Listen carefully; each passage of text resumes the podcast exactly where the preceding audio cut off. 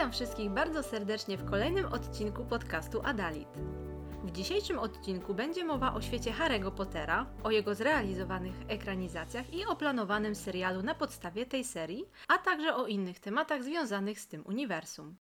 O tej serii będę dzisiaj rozmawiać z doktorem Dawidem Junke z Instytutu Kulturoznawstwa Uniwersytetu Wrocławskiego, który jest filmoznawcą, serialoznawcą, badaczem kultury popularnej, a także autorem książki o tytule Transcendencja i sekularyzacja motywy religijne we współczesnych amerykańskich serialach telewizyjnych.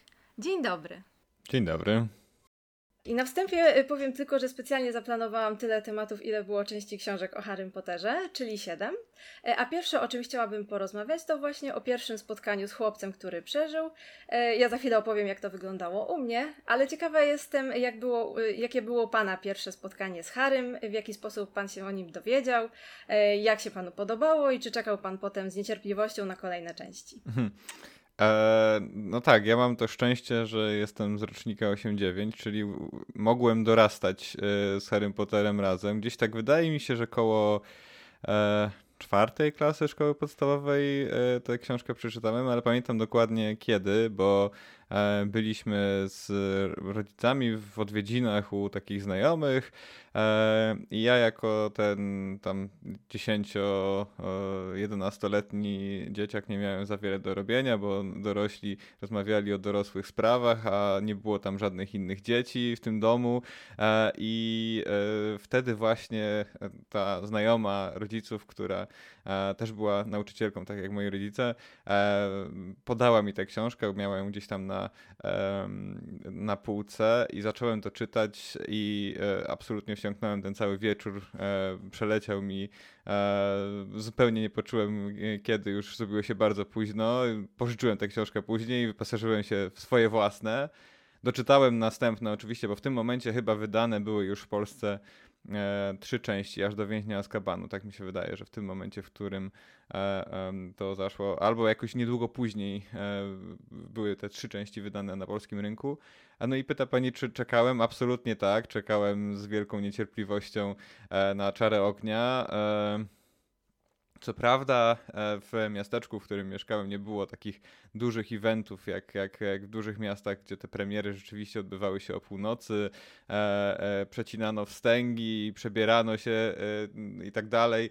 E, u nas e, nie było ta, takiej pompy, ale dla mnie to było równie wyjątkowe wydarzenie. Każda kolejna premiera i właściwie każda kolejna część w miarę dobrze się wpasowywała też e, w to moje dorastanie, e, bo, bo, od tego momentu, od tej, od tej czwartej części, później już tak mniej więcej z, e, z tym, jak, jak sam dojrzewałem, tak samo dojrzewał też Harry, więc to była taka wyjątkowa możliwość, żeby po raz pierwszy czytać te książki tak równo mniej więcej i, i przeżywać te lata dziecięce dojrzewania razem z bohaterami.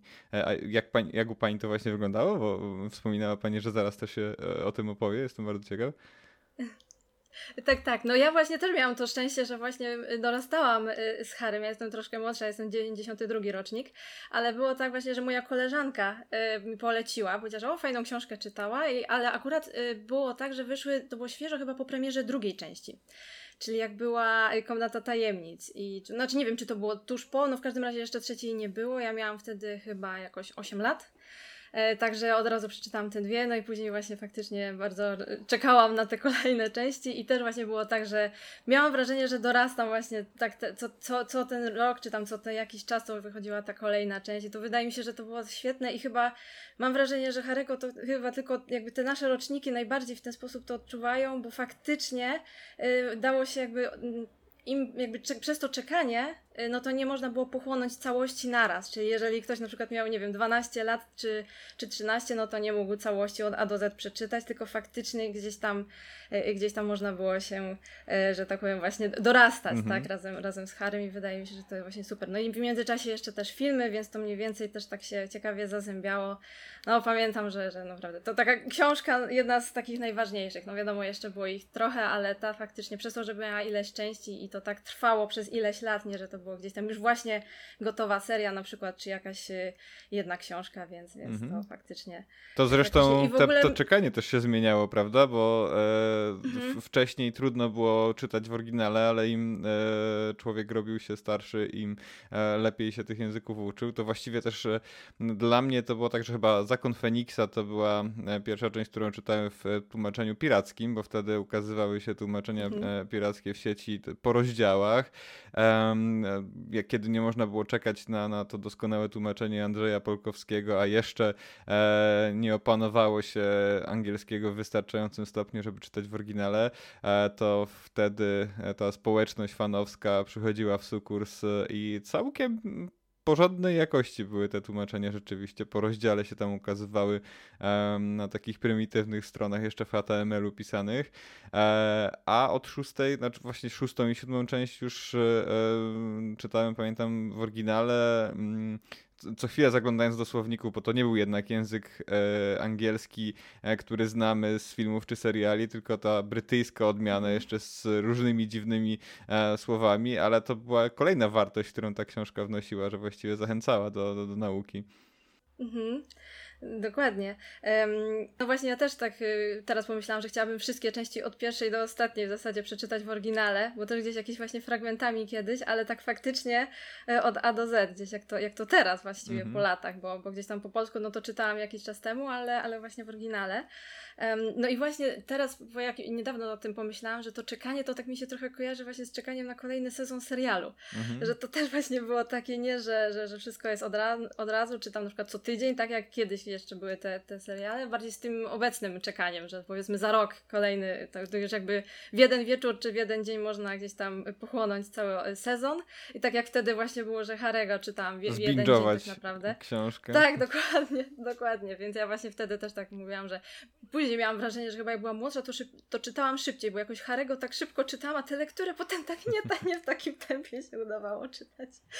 No także generalnie tak, tak mi się to właśnie e, e, kojarzy. No też no właśnie takie wspomnienia, jakaś nostalgia i tak dalej, więc no i właśnie, a czy panu też się kojarzy, że to takie, jak takie czekanie na, na kolejny sezon y, serialu, czy... Tak, myślę, że jest dużo y, punktów wspólnych. Rzeczywiście te cliffhangery na, przy zakończeniach, zwłaszcza w tych późniejszych e, książkach, bo e, może mniej takiego zawieszenia akcji Rowling stosowała na początku, ale później, e, kiedy się mm, kolejne śmierci ważnych postaci wydarzały, kiedy zachodziło właśnie te okoliczności, to wtedy no, naprawdę można powiedzieć, że przypominało to te odcinki serialu, a nie mówiąc już o tej adaptacji filmowej, która miała jeszcze tą audiowizualną formę.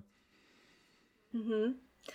Tak, drugim tematem, który chciałabym y, poruszyć, y, to jest y, Harry Potter i media, bo też nawet właśnie na wewnętrznych częściach okładek tych polskich wersji książek można przeczytać, że, mm, zacytuję, w nierównej walce z mediami elektronicznymi książki muszą przegrać, przepowiadali znawcy tematu. Fenomen poteryzmu otrzeźwił tych, którzy literaturę dla najmłodszych dawno pogrzebali.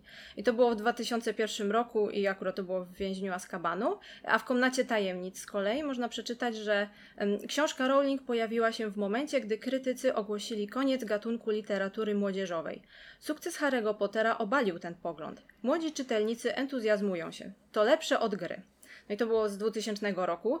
No i właśnie, czy według Pana to był właśnie taki chwilowy zryw czytelnictwa, czy to dotyczyło tylko właśnie tego tytułu i podziela, i podziela Pan właśnie zdanie sprzed ery Pottera, że media elektroniczne wyprą czy wypierają książki? E nie był ostatni zryw, bo mieliśmy potem Igrzyska Śmierci, prawda, różne mm. serie Young Adult, e, które mm, odnosiły sukcesy, mniejsze niż Harry Potter, ale myślę, że mm, trudno oczekiwać, żeby taki fenomen się powtórzył, bo mm, w tym przypadku to była jakaś emergencja, tak? Te, te, to, ten fenomen właśnie wydarzył się bez żadnych e, znaków wskazujących na to, że, że, że przyjdzie i e, mhm. no, trudno go porównać z czymkolwiek innym, ten szał.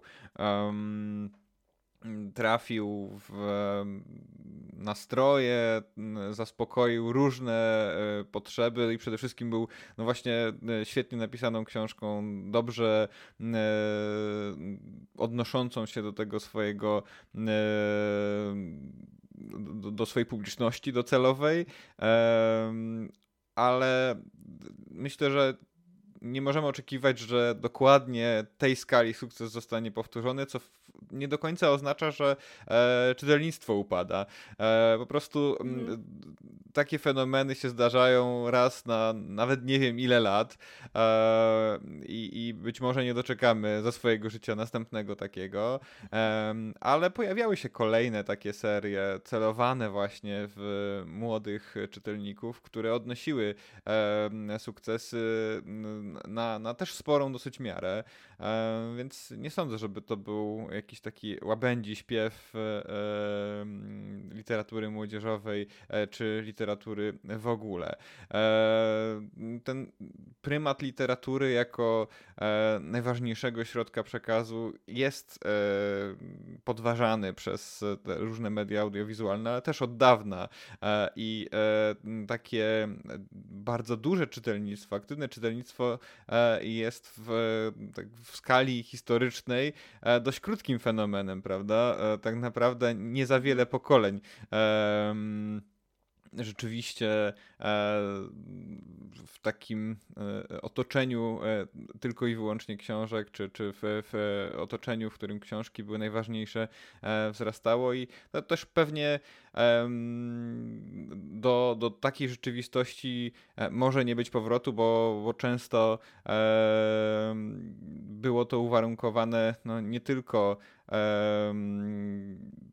faktem, że e, że lepiej do, do czytania przygotowywano, ale że nie bywało, że nie, nie, nie, nie było alternatyw czasami, tak? Chociaż no, ostatnio e, te e, coroczne e, utyskiwania e, przy raporcie na temat czytelnictwa musiały zostać odroczone, bo akurat w tym roku te wskaźniki trochę wzrosły. No i, mhm. i, myślę, że wciąż będą się pojawiały jakieś takie ciekawe propozycje, które przyciągną młodych czytelników do książek, bo to jest związane też z tym etapem, myślę, w rozwoju, z tym, że chce się czasami w tym wieku e, przenieść dzięki książkom do jakiejś innej rzeczywistości i e, to jest trochę inny rodzaj doświadczenia, imersji niż przy innych mediach. E, nie myślę, że to jest alternatywa albo albo. Myślę, że można jednocześnie przenosić się w te inne wyobrażone światy w grach komputerowych, w serialach i w książkach naraz. Zgadzam się absolutnie z tym, co pan powiedział jako kolejne pytanie, właśnie przechodzimy może bardziej do kwestii y, adaptacji. Mhm. Po pierwsze, która książka była według Pana najciekawsza, najlepsza, a która najgorsza i, i dlaczego? O, e, e, kiedy się jest e, zaangażowanym fanem, to trudno jest oceniać e, te mhm. książki. Mhm czy inne dzieła popkultury, z którymi się jest emocjonalnie związanym, a ja e, ewidentnie z, z Harry Potterem bardzo mocno emocjonalnie jestem związany, ale gdybym miał powiedzieć, do której książki najbardziej lubię wracać, to myślę, że to jest Zakon Feniksa, e, a najrzadziej wracam do Komnaty Tajemnic, e, ale nie powiedziałbym, że ona jest najgorsza. Po prostu, e, mhm. nie wiem, może, być może najwięcej nostalgii mam dla Zakonu Feniksa, być może to fakt, że to jest najdłuższa książka i można się tak w nią zatopić. E, trudno mi powiedzieć, z czego to do końca wynika, bo właśnie o emocjach e, trudniej się rozmawia niż o takich racjonalnych wyborach. Jak to u Pani wygląda? No właśnie, u mnie jest tak, że jak ja się zastanawiałam, co na ten temat mogłabym powiedzieć, to stwierdziłam, że to będzie najgorsza recenzja w moim wykonaniu. właśnie z tego samego powodu, że trudno mi jest te emocje i to, że jak y, zaczynam czytać, jak w ogóle mam tą książkę w ręku, no to po prostu jakby się cofam w czasie i jakby już znowu jestem y, gdzieś tam y, sporo młodsza, nie, troszeczkę, ciut młodsza. tak, kilka lat tylko. Tak, także generalnie no trudno jest właśnie no, ta nostalgia jednak, tak? I, i, ale jeśli chodzi o, to, o te powroty, to faktycznie ja też mam także do zakonu Feniksa i też się zastanawiałam nad tym, czy to dlatego, że ona jest najdłuższa i faktycznie troszeczkę więcej tam jest w ogóle faktów i, i tej akcji i po prostu przez to właśnie, że to nie było tak, że właśnie w jeden, w jedno popołudnie czy tam w jeden dzień się udało ją przeczytać i no i znowu czekanie, tak? Na kolejną część, no kiedy będzie, tak? E, więc, e, więc tu faktycznie to było taki takie dłuższe, ale wydaje mi się, że też sporo, tak jak się zastanawiałam, to sporo się też tam e, kart odkryło mhm. nowych wydaje mi się, w tej całej historii. I może to jest to, bo tak jak sobie ja z kolei myślałam, to mm, najbardziej właśnie tą część lubię i, i, lubię te, te fragmenty, które odsłaniają jakieś y, właśnie jakieś karty historii tej, właśnie tutaj tego świata i Harego. I tak myślałam, że w sumie Czaro Ognia, mimo że tam się bardzo dużo działo, mm, to chyba do, do niej jakby właśnie naj, najrzadziej bym wracała przez to, że właśnie tam jakby no nie ma jakby takich historycznych, tylko bardziej jest tu i teraz i, i jest ten turniej i, i w ogóle mm, świetnie jest to napisane, tak? No każda ta książka jest świetna i po prostu trudno jest zdecydować, ale jak już bym się tak miała gdzieś tam y, upierać, no to to jest wszystko na pierwszym miejscu, to jest tak ciut niżej, mm -hmm. można powiedzieć. Mm -hmm. W Zakonie Feniksa um, jest też ten taki nastrój rebelii, y, prawda? Mm -hmm. Te wszystkie e, działania gwardii e, Dumbledora e, dużo wnoszą do takiego nastroju, którego wcześniej nie ma, a jednocześnie to jest książka, która, choć oczywiście tam pojawiają się te mroczne elementy i, i mrocznie się kończy, to jest chyba takim ostatnim e, przykładem, kiedy widać jeszcze dużo tego nastroju z tych pierwszych e, dwóch, powiedzmy, części, kiedy ta szala przechyla się mhm. już na stronę e, tej no, dorosłej jednak opowieści o zmaganiach dobra ze złem, ale w której jeszcze wciąż e, ta po prostu historia dzieciaków w szkole z internatem jest jeszcze istotna. No wiadomo, w Księciu Półkrwi też to jeszcze się toczy w murach Hogwartu, ale wydaje mi się, że tam ten nastrój już jest znacznie mroczniejszy, no i cała historia Horcruxów e, jednak prowadzi fabułę e, mhm. do, do takich konkluzji, a tutaj mamy wciąż dużo tego miejsca e, na, na właśnie po prostu historię ze szkoły, e, a ja to też bardzo lubiłem, tej szkoły, która jest tajemnicza, niesamowita, ale w końcu jest po prostu szkołą z internatem. Mhm. No właśnie, i to chyba te, w tej piątej części jest taki moment przełomowy właśnie w tym dojrzewaniu Harego. Tak mhm. teraz właśnie sobie myślę, że to jest ten moment właśnie już, że ta szkoła jeszcze gdzieś tam jest, ale już jakby wchodzi w to życie dorosłe, mhm. że jakby to jest ten taki, taki może, może to jest to. No poza tym jest dosyć mocno emocjonalne, tak oczywiście mhm. zakończenie, wtedy to byłam zła, że w ogóle no jak mogła, jak mogła tak zakończyć, ja tu happy endy kochałam dalej, kocham, a tu proszę bardzo taki, no bardzo, bardzo byłam na nie, ale no mimo wszystko jakoś coś, coś po prostu, no miała w sobie tak książka, coś takiego, że naprawdę y, chętnie do niej y, y, wracam.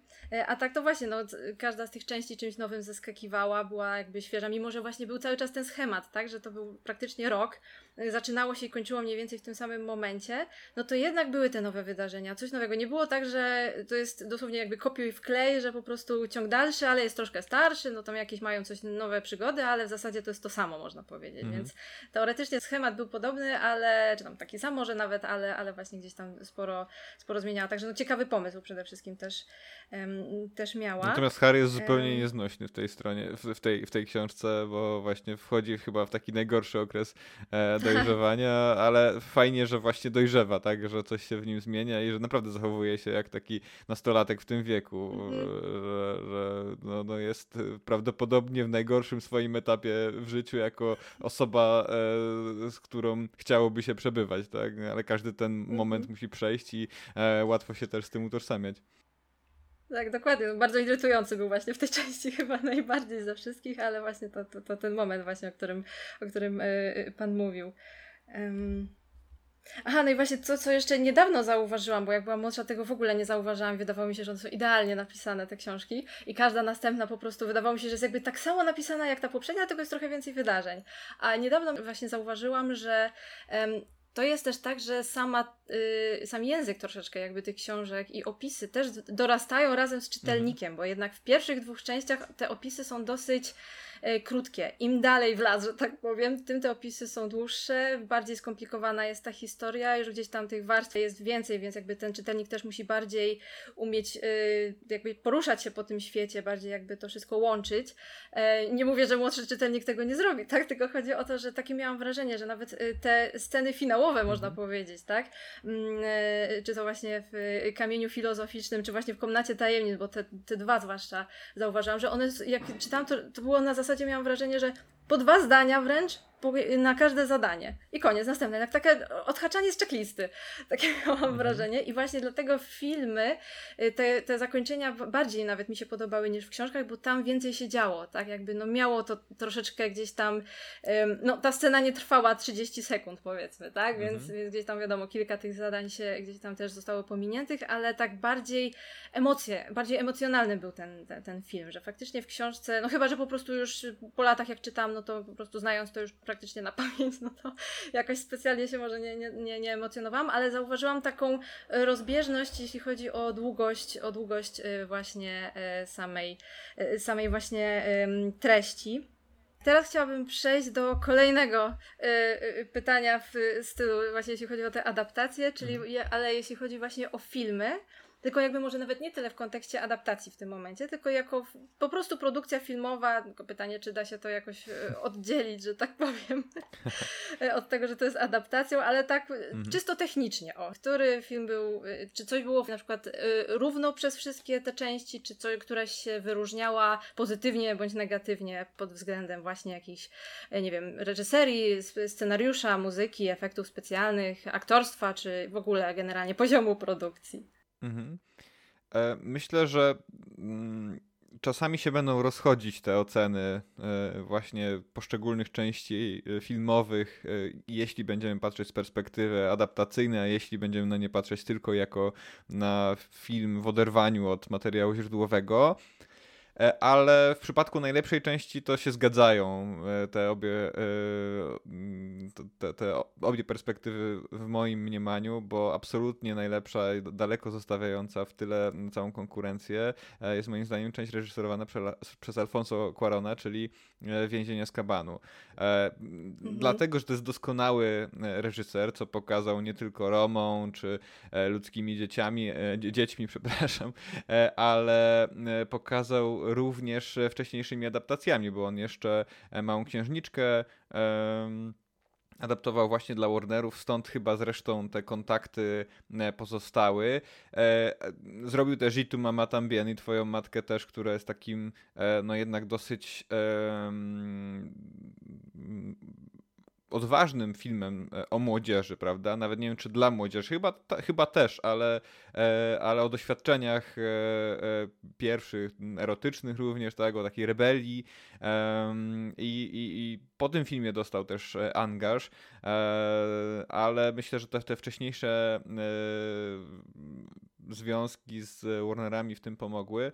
I Quaron. Mm, doskonale rozumie e, ten materiał wyjściowy. On nie próbuje jakoś go przystosowywać e, do, do, do, swojego języka, tylko swoim językiem wyraża ducha książek, powiedziałbym, jeśli mówimy już o tej adaptacyjnej stronie, mhm. E, ale jest po prostu też świetnym reżyserem. Potrafi tę fabułę poprowadzić tak, aby ona miała odpowiedni rytm. To nie jest łatwa książka do zadaptowania też e, pod względem fabularnym, bo tam jest więcej tych punktów kulminacyjnych i pierwszy mhm. punkt kulminacyjny musi zadziałać emocjonalnie w momencie, kiedy wydaje nam się, że wszystko zostało stracone, a potem, mimo że podróżujemy w czasie i oglądamy to, co już widzieliśmy, musimy ponownie przeżyć te emocje. Wydaje mi się, że w tym medium książkowym nawet trochę łatwiej to ograć, tak? bo pewne rzeczy można e, opisać e, jednak sięgając e, do emocji bohaterów, mhm. tak? pokazywać stany wewnętrzne.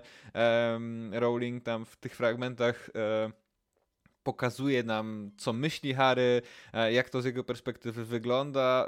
E, Quaron musi tylko języka wizualnego używać. Oczywiście są tam jakieś takie fragmenty um, ekspozycyjne, które mają nam wyjaśniać pewne, pewne rzeczy, ale on e, nawet ich nie potrzebuje do końca.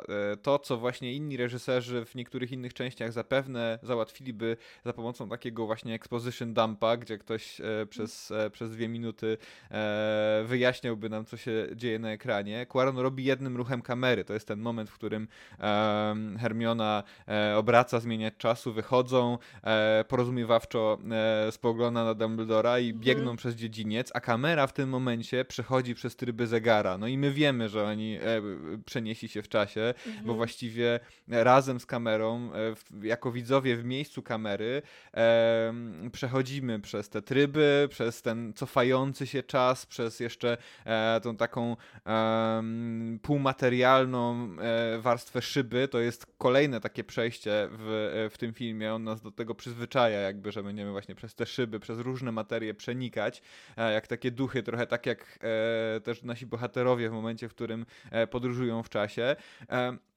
No i to jest absolutny majstersztyk e, z tej strony. E, Quaron e, już odbarwia nieco, zmienia nieco to zabarwienie, które mieliśmy u Kolumbusa. Kolumbus wprowadzał nam te takie ciepłe, mhm. barwione przez ogień, żółto, brązowo, pomarańczowe barwy. U Quarona mamy już trochę więcej mroku, jakichś takich niebieskich, szarych czy zielonkawych odcieni, ale nie przesadza też z tym, e, e, z tym takim tintem e, kolorystycznym, co wydaje mi się, że potem się zdarzało i Newellowi, mm. i Yatesowi, ale przede wszystkim właśnie fabularnie potrafi, on też musiał już tę książkę dosyć mocno okroić. On już wtedy miał propozycję, aby Więźnia z Kabanu rozbić na dwa filmy, ale potrafił to zrobić tak razem ze, z Klausem, który, który pisał scenariusz, żeby zachować te e, proporcje, ale jednocześnie nie uronić najważniejszych elementów e, z historii.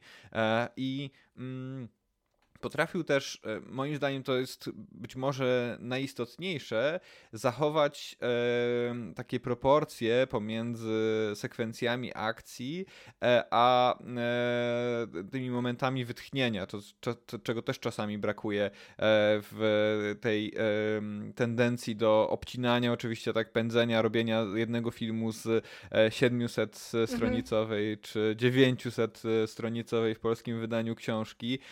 Czasami e, no, no doprowadzało to do, do takiej gonitwy, tak? do, do przeskakiwania, odhaczania kolejnych e, ważnych wydarzeń. E, Quaron też dużo wycina, ale e, ma tę mądrość, której czasami reżyserom brakuje, e, że żeby no właśnie równoważyć te sekwencje akcji, te ważne, wielkie wydarzenia z takimi momentami refleksji, zadumy, a czasami nawet e, takimi elementami światotwórczymi, bo to nie są tylko rozmowy Remusa z Harym, czy to w lesie, czy na tej później ikonicznej takiej kładce mhm. drewnianej czy z, gdzieś tam w lesie właśnie z widokiem na, na wyspę na środku jeziora, e, ale to są też te sekwencje, w których e, przechodzimy od jednej sceny z jakimś ładunkiem fabularnym do drugiej, a Quaron pokazuje nam e, otoczenie, tak? To są takie sekwencje światotwórcze, można powiedzieć.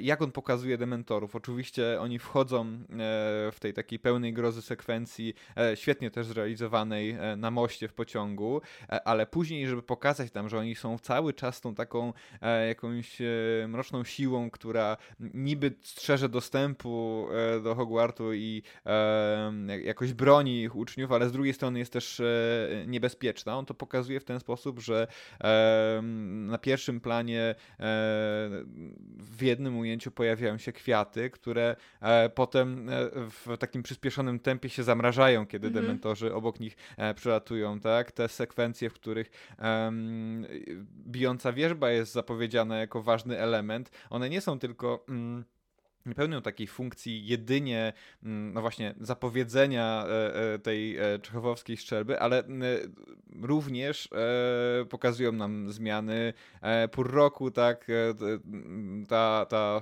bijąca wierzba strząsa z siebie liście, czy, czy śnieg mhm. i właśnie z jednej strony to jest narzędzie reżyserskie, które pokazuje nam, że będzie tutaj coś istotnie, istotnego z tym elementem, przedstawionym nam już w poprzednim poprzedniej części, ale e, wracającym tutaj jako, jako część scenografii. A z drugiej strony właśnie, no, e, to nie jest takie proste ujęcie ustanawiające, e, z których korzystał Columbus czy potem Newell, które nam no po prostu pokazuje w planie ogólnym Hogwarts i, i widzimy, że te pory roku się zmieniły, ale on robi jeszcze z tego takim, takie mini scenki e, komiczne czasami, mhm. tak? Tam są te, jest ten ptak, który podąża za mhm, kamerą, a mhm. potem zostaje uśmiercony przez, e, przez e, tę e, bijącą wierzbę, robi z jej bohatera właściwie. I z każdym małym elementem e, Quaron tak postępuje. Po prostu bierze te ważne e, części.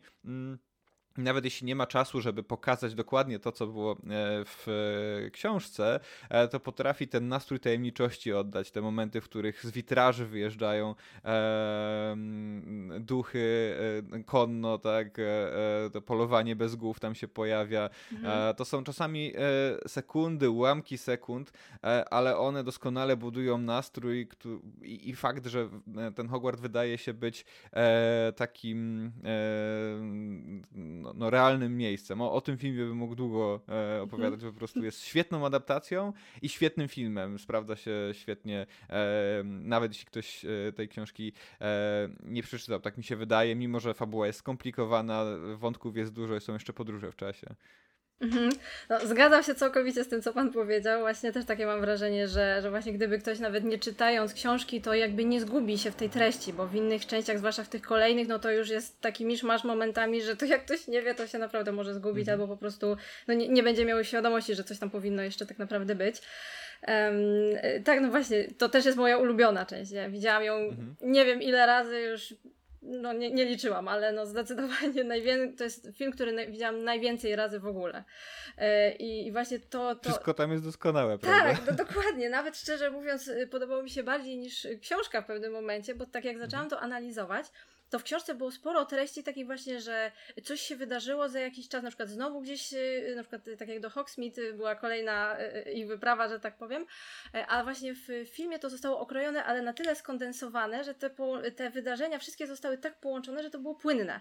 Była ta płynność. W książce to mhm. tak było momentami, że tak tu fragment, tam gdzieś i, i właściwie, no mimo, że książka była i tak świetna, to wydaje mi się, że on to zrobił nawet jeszcze lepiej właśnie pokazując tą samą historię, no bo wszystko się tam znalazło tak naprawdę. No coś tam, no wiadomo, zmienił, tak, coś dodał, coś, coś z, y, odjął, ale, ale wydaje mi się, że to jest świetne.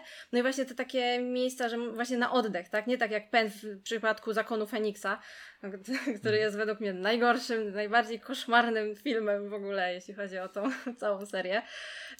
A jeszcze... Tu się nie zgodzę, ale to zaraz. Tak, okej, okay, tak. Tak, tak. Y, no generalnie właśnie według mnie zakon, tak. Y, ale jeśli chodzi jeszcze o tą trzecią część, to e, no właśnie ta, ta, ta podróż jakby w czasie to jest właśnie świetnie, świetnie pokazane, a, a zmieniacz czasu to po prostu jest coś, czego mi bardzo brakuje na co dzień.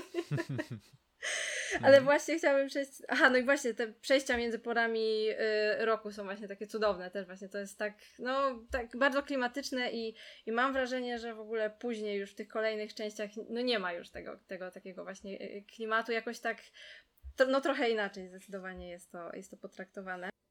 I chciałabym właśnie teraz przejść do właśnie y, adaptacji, jeśli chodzi o filmy, czyli właśnie, no to już jakby o tej trzeciej części już y, jakby mhm. powiedzieliśmy, ale właśnie czy, czy na przykład właśnie, czy jakaś była, no najgorsza mówił Pan, że się Pan ze mną nie zgadza, czyli w takim razie według Pana, która y, część była najbardziej koszmarną adaptacją Harego? Mm, tu też mam łatwy wybór. I to jest ten moment, w którym właśnie rozchodzą się chyba oceny filmu samego w sobie i adaptacji bo mm, ja najbardziej nie mogę znieść czary ognia. I jest to e, w kontraście z recenzjami krytyków, e, zazwyczaj nie będących fanami książek, e, którzy ten film docenili uważali za, za dobry, nawet uważano go w, niektórych recenzjach za najlepszy dotychczasowy, tak? Um, Mike Newell, który jest też uznanym reżyserem, wydawałoby się, że e, udźwignie e, temat, prawda? E, a no i trudno mi to ocenić rzeczywiście od strony filmowej, bo mm, pewne pewne mm, te obserwacje, które mam jako fan książek, będą tam no, siłą rzeczy przenikać. Rzeczywiście mogę się zgodzić, że ma w miarę dobre tempo e, ten film, że jest dobrze zrealizowany od strony um, efektów specjalnych, tak, ten, ten smog e, ILM mhm. jest chyba najbardziej imponującą e, z, z tych takich e, widowiskowych, fajerwerkowych realizacji do, do tej pory, mimo że już w Więźniu Azkabanu to też dużo lepiej wyglądało niż e, w, w Kamieniu Filozoficznym czy w Komnacie Tajemnic, ale... Mm, Przede wszystkim to, co mnie e, jako fana e, wielbiciela książek ubodło e, w Czarze Ognia, to potraktowanie postaci i ich motywacji. To znaczy mhm. fakt, że w tym filmie wszyscy non-stop wrzeszczą przez cały czas, krzyczą e, i czasami nie wiadomo nawet dlaczego. Jestem zaskoczony właśnie, że krytykom to akurat nie przeszkadza, tak? Że to jest film, który jest grany na, na bardzo wysokim C przez cały czas i właściwie każda e, z interakcji pomiędzy bohaterami właśnie jest takim e, jakimś absolutnym dramatem albo e, jest jakąś slapstickową komedią. Brakuje mi tam umiaru tego, który ma właśnie Quaron. oczywiście boli mnie, jak został potraktowany Dumbledore w tej części, bo to nie jest kwestia Michaela Gambona, bo Richard Harris ze swoim dorobkiem wnosił w tych pierwszych dwóch częściach oczywiście pewną stateczność i rzeczywiście dało się odczuć to, e, co e, o tej roli mówił sam, czy, czy Rowling, czy, e, czy Chris Columbus, który reżyserował te części, że, że mimo, że nie ma go za dużo na ekranie, to powinno się cały czas czuć jego obecność, ale Michael Gambon, też przecież doskonały aktor, zastąpił Harrisa już w trzeciej części. Mhm. i tam wciąż dało się tę właśnie stateczność, dojrzałość, oczywiście z tym elementem z, z tymi e, takimi e, e, pełnymi humoru oczami, z, z jakimś takim ironicznym uśmieszkiem błąkającym się mhm. po ustach tej postaci, bo to jest rzeczywiście cecha charakterystyczna Dumbledora, że on wygląda jak, jak Gandalf, ale nie do końca zachowuje się jak Gandalf, chociaż no, ma też coś z Gandalfa, mhm. Gandalf też miał ten, ten, taką rezerwę, mhm. ale Dumbledore ma chyba jeszcze więcej niż Gandalf takiej rezerwy wobec siebie i wobec tego wszystkiego, co robi. Ten ta jego potęga właśnie daje mu możliwość takiego dosyć ironicznego e, spojrzenia, mhm. E, ale e, Gambon to zagrał w, pod batutą Quarona doskonale w Więźniu Azkabanu, a w Czarze Ognia on po prostu, no nie wiem, biega z miejsca na miejsce, wrzeszczy, mhm. właśnie absolutnie nie, nie ma umiaru, jest taką raczej stereotypową postacią z takim dyrektorem e, e, nie Hogwartu, tylko jakiejś e, naszej zwykłej szkoły, który dopiero co objął stanowisko i właściwie nie wie, co się dzieje, tak? Stara się, nie wiem, przed jakimiś zarzutami ze strony kuratorium mhm. uchronić, no i właśnie łapie tych, tych e, e, uczniów, targa ich za habety. Jest tam taka scena właśnie, kiedy e, Czara Ognia wypluwa e, ten e, pergamin z e, imieniem i nazwiskiem Harego mhm. e, i w, w, książce to zostało opisane tak, że właśnie Dumbledore z e, opanowaniem, tak, e, z pewną wiarą też Harego pyta go właśnie o to, czy, czy wrzucił to nazwisko, a w filmie on podbiega, dosłownie podbiega, tak jakby trenował do olimpiady e, łapie go za szatę, e, prawie że podnosi i wrzeszczy, tak? Czy wrzuciłeś to? E, no, no straszne, straszne to jest. I wszyscy tam cały czas wrzeszczą. Na siebie, na innych. To jest problem w ogóle e, w, w, całej serii, że z, e, Ron jest tylko takim comic reliefem, jest źródłem e, komizmu, a rzadko może być taką pełnoprawną postacią jak u Rowling, gdzie on oczywiście jest tym źródłem humoru często, ale nie tylko e, tym e, Butt of the Joke, tak? Nie, nie, śmiejemy się tylko z niego, ale śmiejemy się też często z nim mhm. e, w, e, w książkach. On ma świetne poczucie humoru i potrafi e, ironicznie komentować różne wydarzenia. W filmie zazwyczaj prawie wszystkich częściach niestety on jest raczej e, tym e, tą postacią, z której się mamy śmiać, ale w Czarze Ognia wydaje mi się, że to jeszcze bardziej się, wszyscy, wszystkie postaci są doprowadzone do jakiejś takiej e, prawie że swojej karykatury z, z, książek. to pokazanie też budzenia się jakichś uczuć erotycznych jest moim zdaniem ordynarne. To ujęcie E, e, na wchodzące dziewczyny z bobatą e, mhm. i skupienie kamery na tyłkach tych dziewczyn jest, no jest, jest zrobione w niesmaczny sposób. Można było to zrobić mhm. dużo zabawniej, przekazać te same reakcje, no bo to, to jakby się dzieje w książkach, tak? Tam mhm. stopniowo rzeczywiście widzimy, chociaż wolniej niż w filmie wydaje mi się, dopiero może w Zakonie Feniksa to bardziej się ujawnia i też bardzo tak mhm. subtelnie po kolei te wszystkie rzeczy tak, tak. E, są wprowadzone. E, a w, a w filmie to, to jest zrobione strasznie e, grubą kreską zarysowane.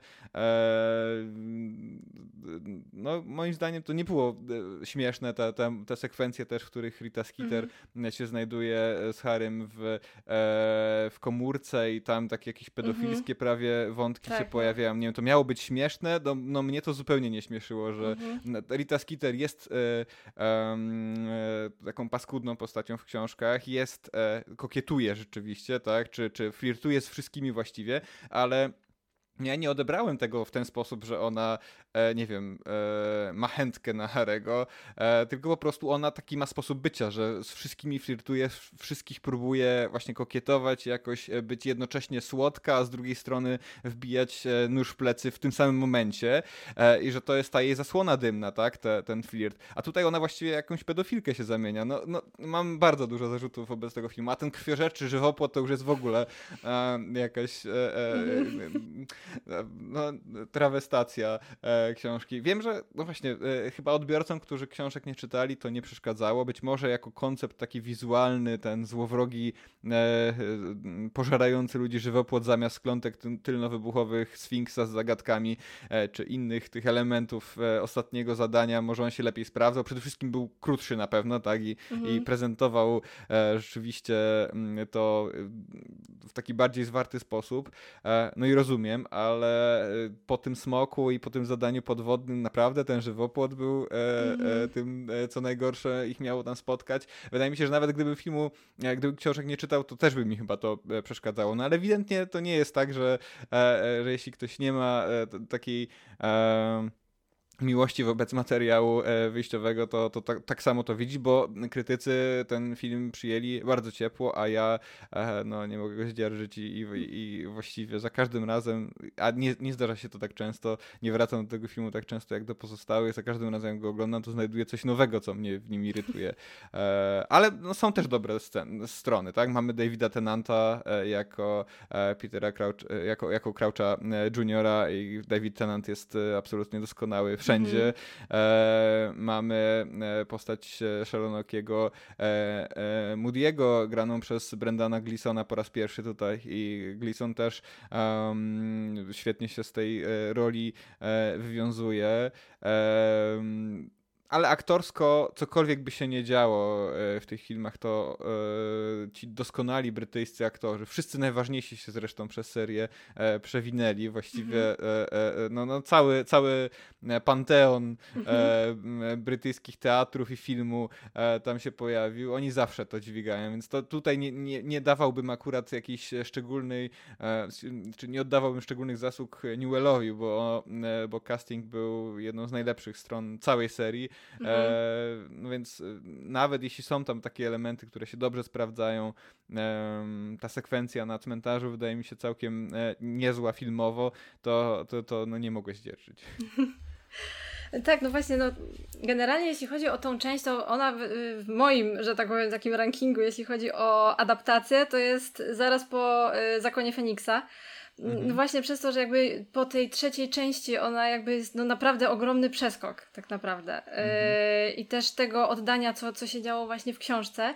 Ale wydaje mi się, że chyba z tego względu, że książka jest według mnie tak ciut jakby słabsza mhm. niż cała reszta, to jakby nie spodziewałam się nie wiadomo czego, nie czekałam może aż tak bardzo na, na tą ekranizację, jak na pozostałe części. Więc może to jest to, ale faktycznie te wszystkie elementy, o których Pan tutaj y, wspomniał, które Pan tu wymienił, no to zdecydowanie są y, straszne i, i, film jako film, no Jeszcze właśnie jedno. takie bulwersujące. Po co, po co oni te wejścia w ogóle robią? Po co oni te wejścia w ogóle robią? Te tańce e, wszystkie. E, e, ja rozumiem, że to się do, może rzeczywiście dobrze ogląda, tak? Te układy taneczne, te jakieś, nie wiem, e, e, gimnastyka ze strony uczniów Darmstrangu e, z tymi tym, tym żelaznymi e, e, jakimiś e, kijami, ale jak, jak, tylko na chwilę spojrzeć z boku i zastanowić się, punktu widzenia fabularnego, dla kogo oni to robią, po co oni to robią, to, to ten sens umyka. Jest tam strasznie dużo takich elementów, które może się e, bronią e, powierzchownie, ale już nie mają uzasadnienia fabularnego żadnego. No. Mhm. no właśnie, to jest to, że jak, e, jeżeli coś, jak ja oglądam właśnie jakieś adaptacje i wiadomo, że trzeba coś okroić, a jest dodawane coś, co w ogóle po pierwsze nic nie wnosi, po drugie nie ma sensu i, i jest w ogóle beznadziejne, no to ja już wolałabym, żeby było zostawione coś z książki, że faktycznie jakaś, mhm. jakaś scena, nawet niekoniecznie niekoniecznie jakaś nie wiadomo jak ważna, ale, ale właśnie z książki, a nie jakieś tutaj trzeba okroić i, i dodawane jest takie niby dla, nie wiem, to powin, miało być chyba efektowne, czy, czy, czy nie wiem, w ogóle właśnie te wejścia są, są straszne. A właśnie a propos tego, co pan... Co pani właśnie, tak, e, co panią e, tak w, w Zakonie Feniksa najbardziej e, w takim razie ubodło? Co, co było tam najgorsze dla pani? W Zakonie chyba chodziło o to, że właśnie przede wszystkim tam było sporo treści w książce, dużo takich właśnie jakichś faktów, bo ja przede wszystkim chciałam, w sensie jakby jak była młodsza, tak, no to dla mnie adaptacja to było to, że jakby ja zawsze chciałam zobaczyć to, co widziałam wcześniej oczami wyobraźni, to jak właśnie to by wyglądało na ekranie, tak, jak ktoś inny to zobaczył i właśnie zobaczyć to na, e, na właśnie w, w ten sposób, a, a tam było wszystko źle. Ja autentycznie, to był chyba pierwszy i chyba jedyny film, y, w czasie którego tak szybko chciałam wyjść z kina. Autentycznie znajomi mnie zatrzymali, bo ja już wstawałam. Dosłownie, po kilku scenach praktycznie ja już mówię, no nie, po prostu dramat i koszmar i im dalej w las, tym gorzej. I już nawet sam początek i pierwsza scena były strasznie drętwa i te dialogi jakoś tak, nie wiem. Um, bardzo mi to nie, nie pasowało. Yy, I no już w ogóle sama nawet pora dnia, tak, co w zasadzie jest y, nie jakoś specjalnie istotne, ale, no, ale w tym momencie, no to w książce to była noc, a, a w filmie mamy mm, popołudnie, tak, yy, początek wieczoru można powiedzieć. Yy. No ale nawet właśnie jeszcze to, co dalej się dzieje, tak? Czyli to jakby dementorzy ich atakują w przejściu, a, a nie na ulicy. No teoretycznie nie jest to jakiś nie wiadomo jak, jaki dramat, tak, że to, że to zostało zmienione, ale no już y, samo moment, y, kiedy pojawiają się dementorzy i, no i Harry zamiast użyć y, zaklęcia, tak, zamiast y, expecto patronum, y, które jest już y, klasykiem chyba gatunku w tym momencie, to on y, dźga dementora w oko. Jak ja to zobaczyłam, mówię nie. Nie, no po prostu różdżka jako patyk obronny, po prostu w, pierwszej chwili. No potem się okazało, że no jednak przypomniał sobie zaklęcie. E, ale z tego co pamiętam, to chyba w momencie, kiedy różdżka stała się patykiem obronnym, czyli właśnie kiedy gnął Dementora w oko, to to był chyba moment, w którym właśnie chciałam wyjść z kina. Tak mi się wydaje. Także dosyć szybko, bo, no bo nie zapowiadało się, że, że dalej będzie lepiej. W każdym razie tak mówię, no okej, okay, już parę minut minęło, a tutaj jest tylko równia pochyła w dół. No ale okej, okay, zostałam, tak, i, i, i no generalnie no, no, to, co za jakąś chwilę się okazało, no to y, lecieli na miotłach, tak? No i zamiast y, jakby tutaj y, no, była też kwestia nieujawniania się, tak, że jednak no, y, Mugole nie powinni ich zobaczyć, no już nie wspominając o osobach, które ich tam szpiegowały, e, no to oni nie, oni sobie radośnie środkiem miasta, y, tuż nad rzeką sobie lecieli, tak, zadowoleni, no okej. Okay.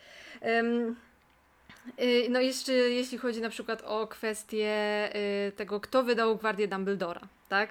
Kto ich ujawnił. No w filmie jest pokazane, że to jest Cho. W książce jest to jej przyjaciółka, a nie ona.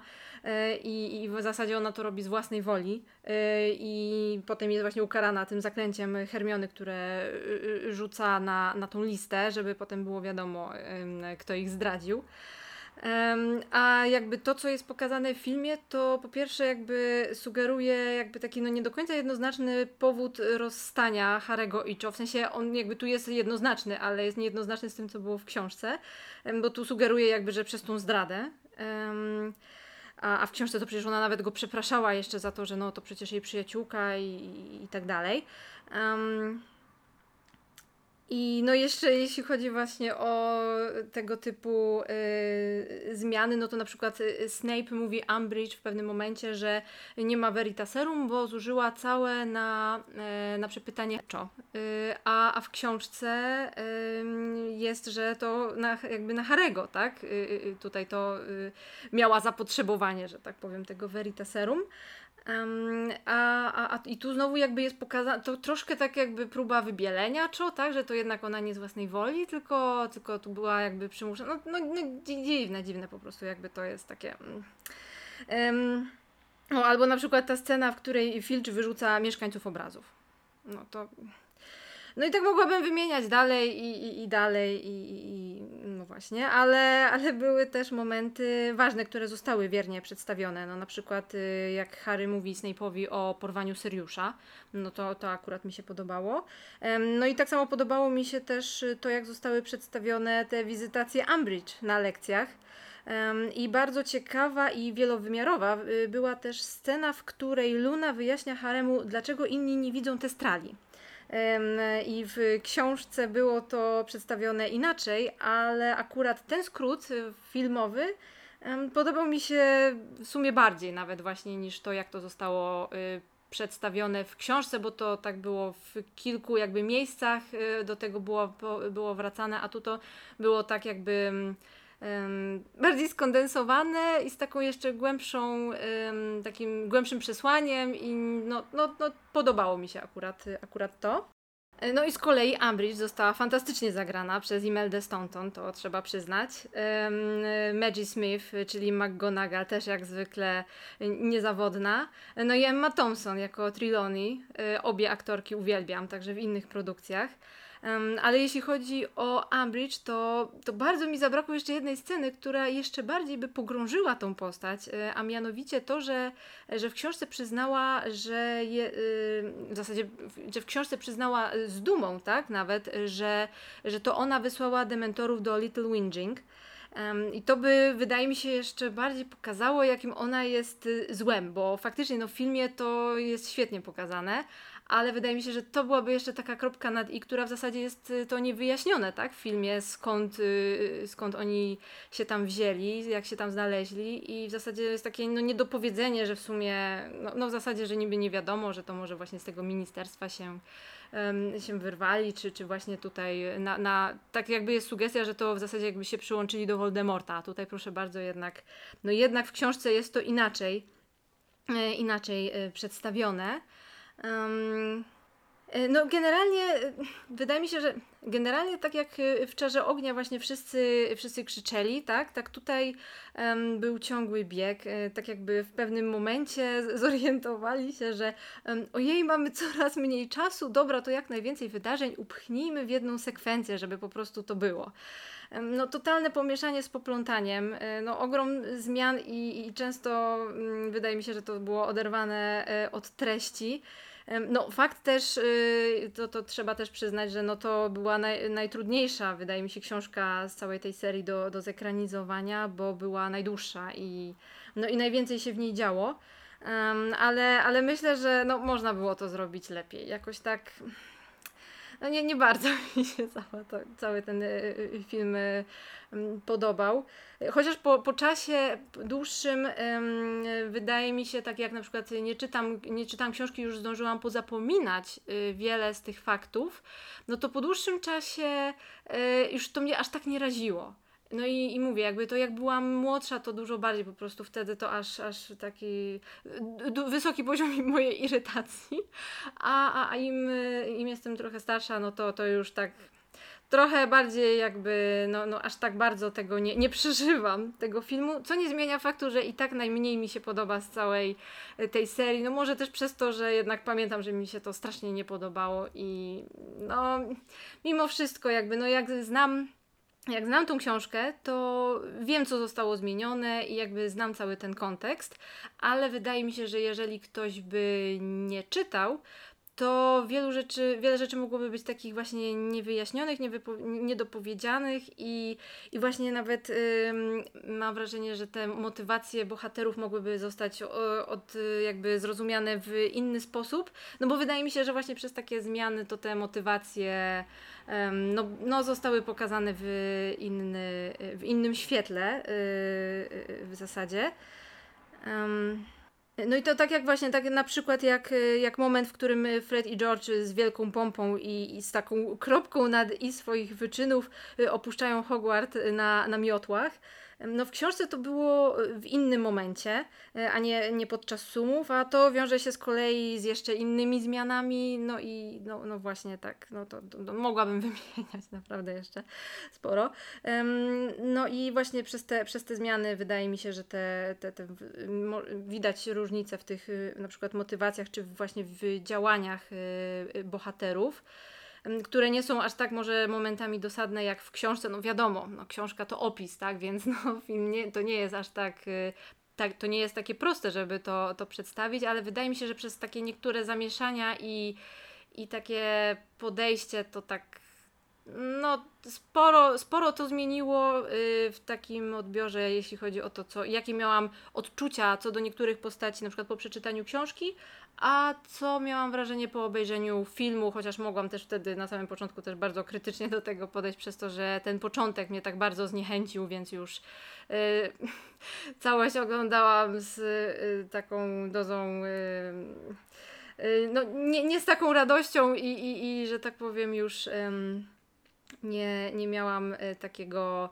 serca, że tak powiem, już do tej, do tej części, bo, bo tak bardzo to było pozmieniane. No zwłaszcza, że tak jak już mówiłam y, chwilę temu, że no jednak będąc młodsza y, bardzo chciałam, żeby to było wiernie przedstawione, zwłaszcza, że książkę uwielbiam, no i to jest moja ulubiona część właśnie, więc, więc chciałam, żeby ona była jak najwierniej przedstawiona. No i te niektóre właśnie sceny, które wydały mi się ważne, to też, też ich, ich po prostu zabrakło.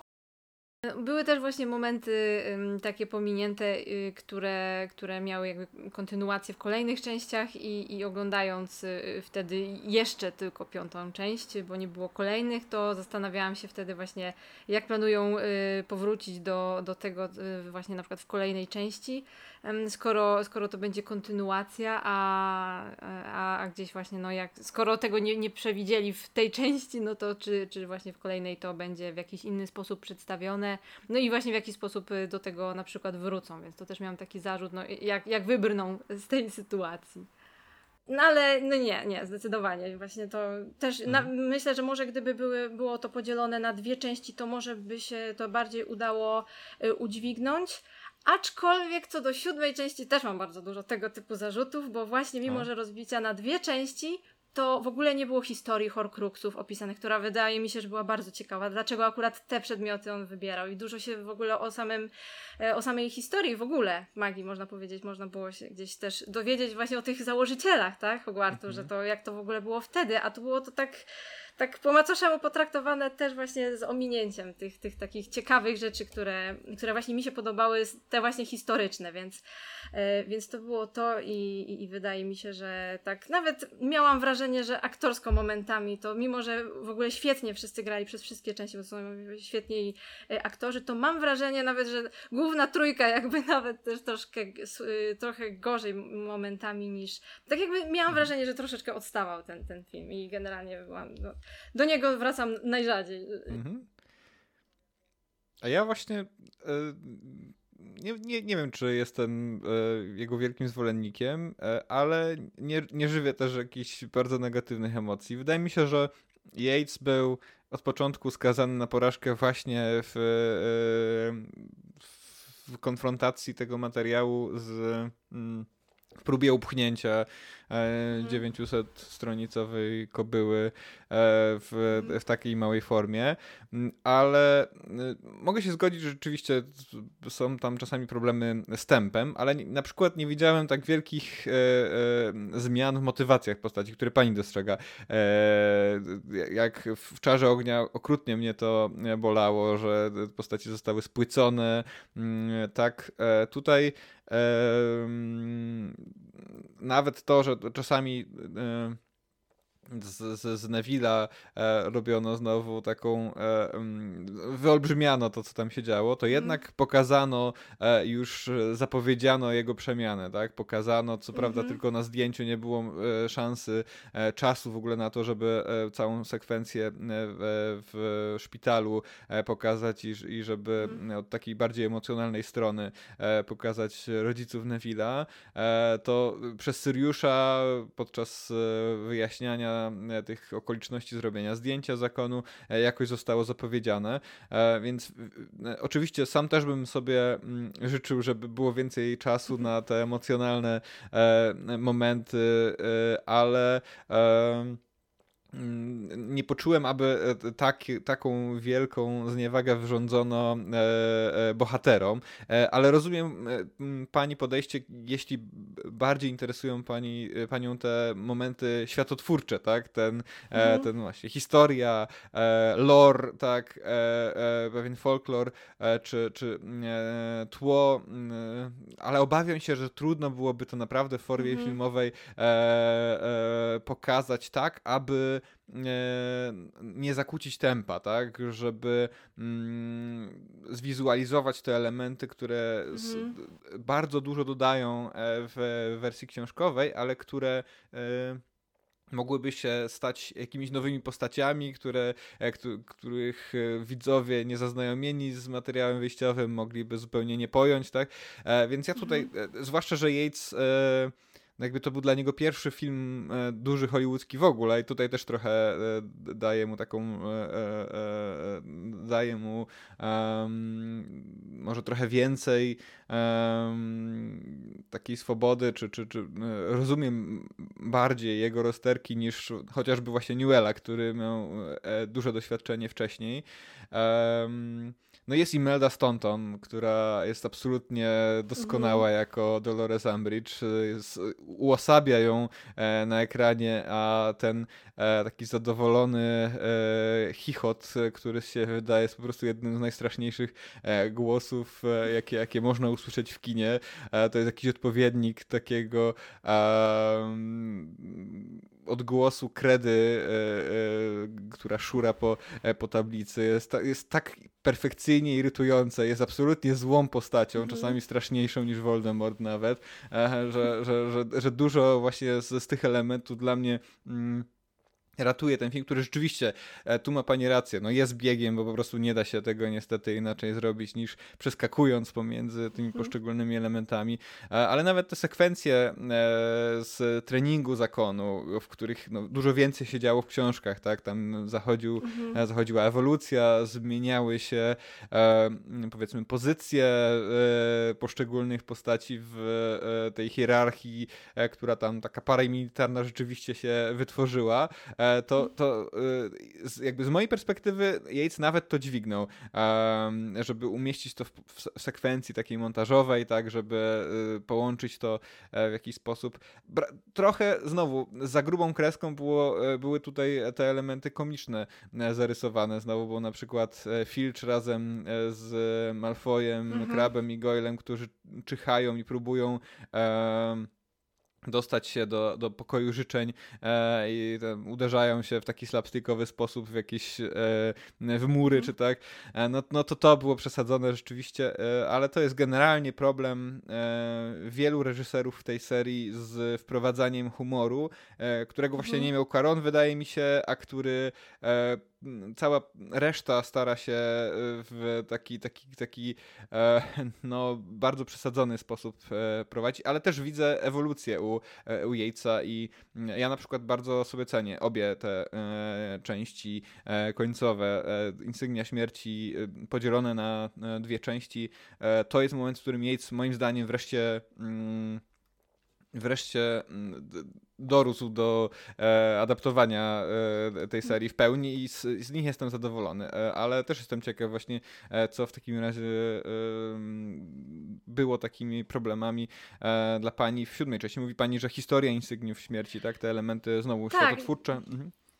Tak, no głównie to, bo generalnie właśnie filmowo wydaje mi się, że już było spokojniej, już nie było aż takiego biegu, było to naprawdę dobrze zrobione, wydaje mi się. Zwłaszcza ciekawie. ta pierwsza część, te mhm. momenty w, w, czasie podróży, prawda, ten taniec mhm. Harego z Hermioną, e, tak dobrze zagrane i tak dobrze zostało, udało się tam pokazać e, naturę tej przyjaźni, tak, która e, pomimo tych wszystkich fanowskich teorii, pomimo tego, co Rowling później już mówiła, że z perspektywy czasu e, inaczej by ułożyła te relacje, i że dodałaby mhm. tam ten element e, jakiegoś trójkątu miłosnego, e, mimo że różni fani też by to chętnie tak widzieli, e, no to jednak w książkach ewidentnie jest pokazane, że to jest przyjaźń platoniczna i to jest tak świetnie zagrane przez Radcliffe'a mhm. i Watson, gdzie Watson od samego początku jest świetną aktorką, a Radcliffe, no nie, no mimo przez te wszystkie lata, że, że był tym Harem i stał się jakimś ucieleśnieniem, no to on raczej e, gra w taki sposób, że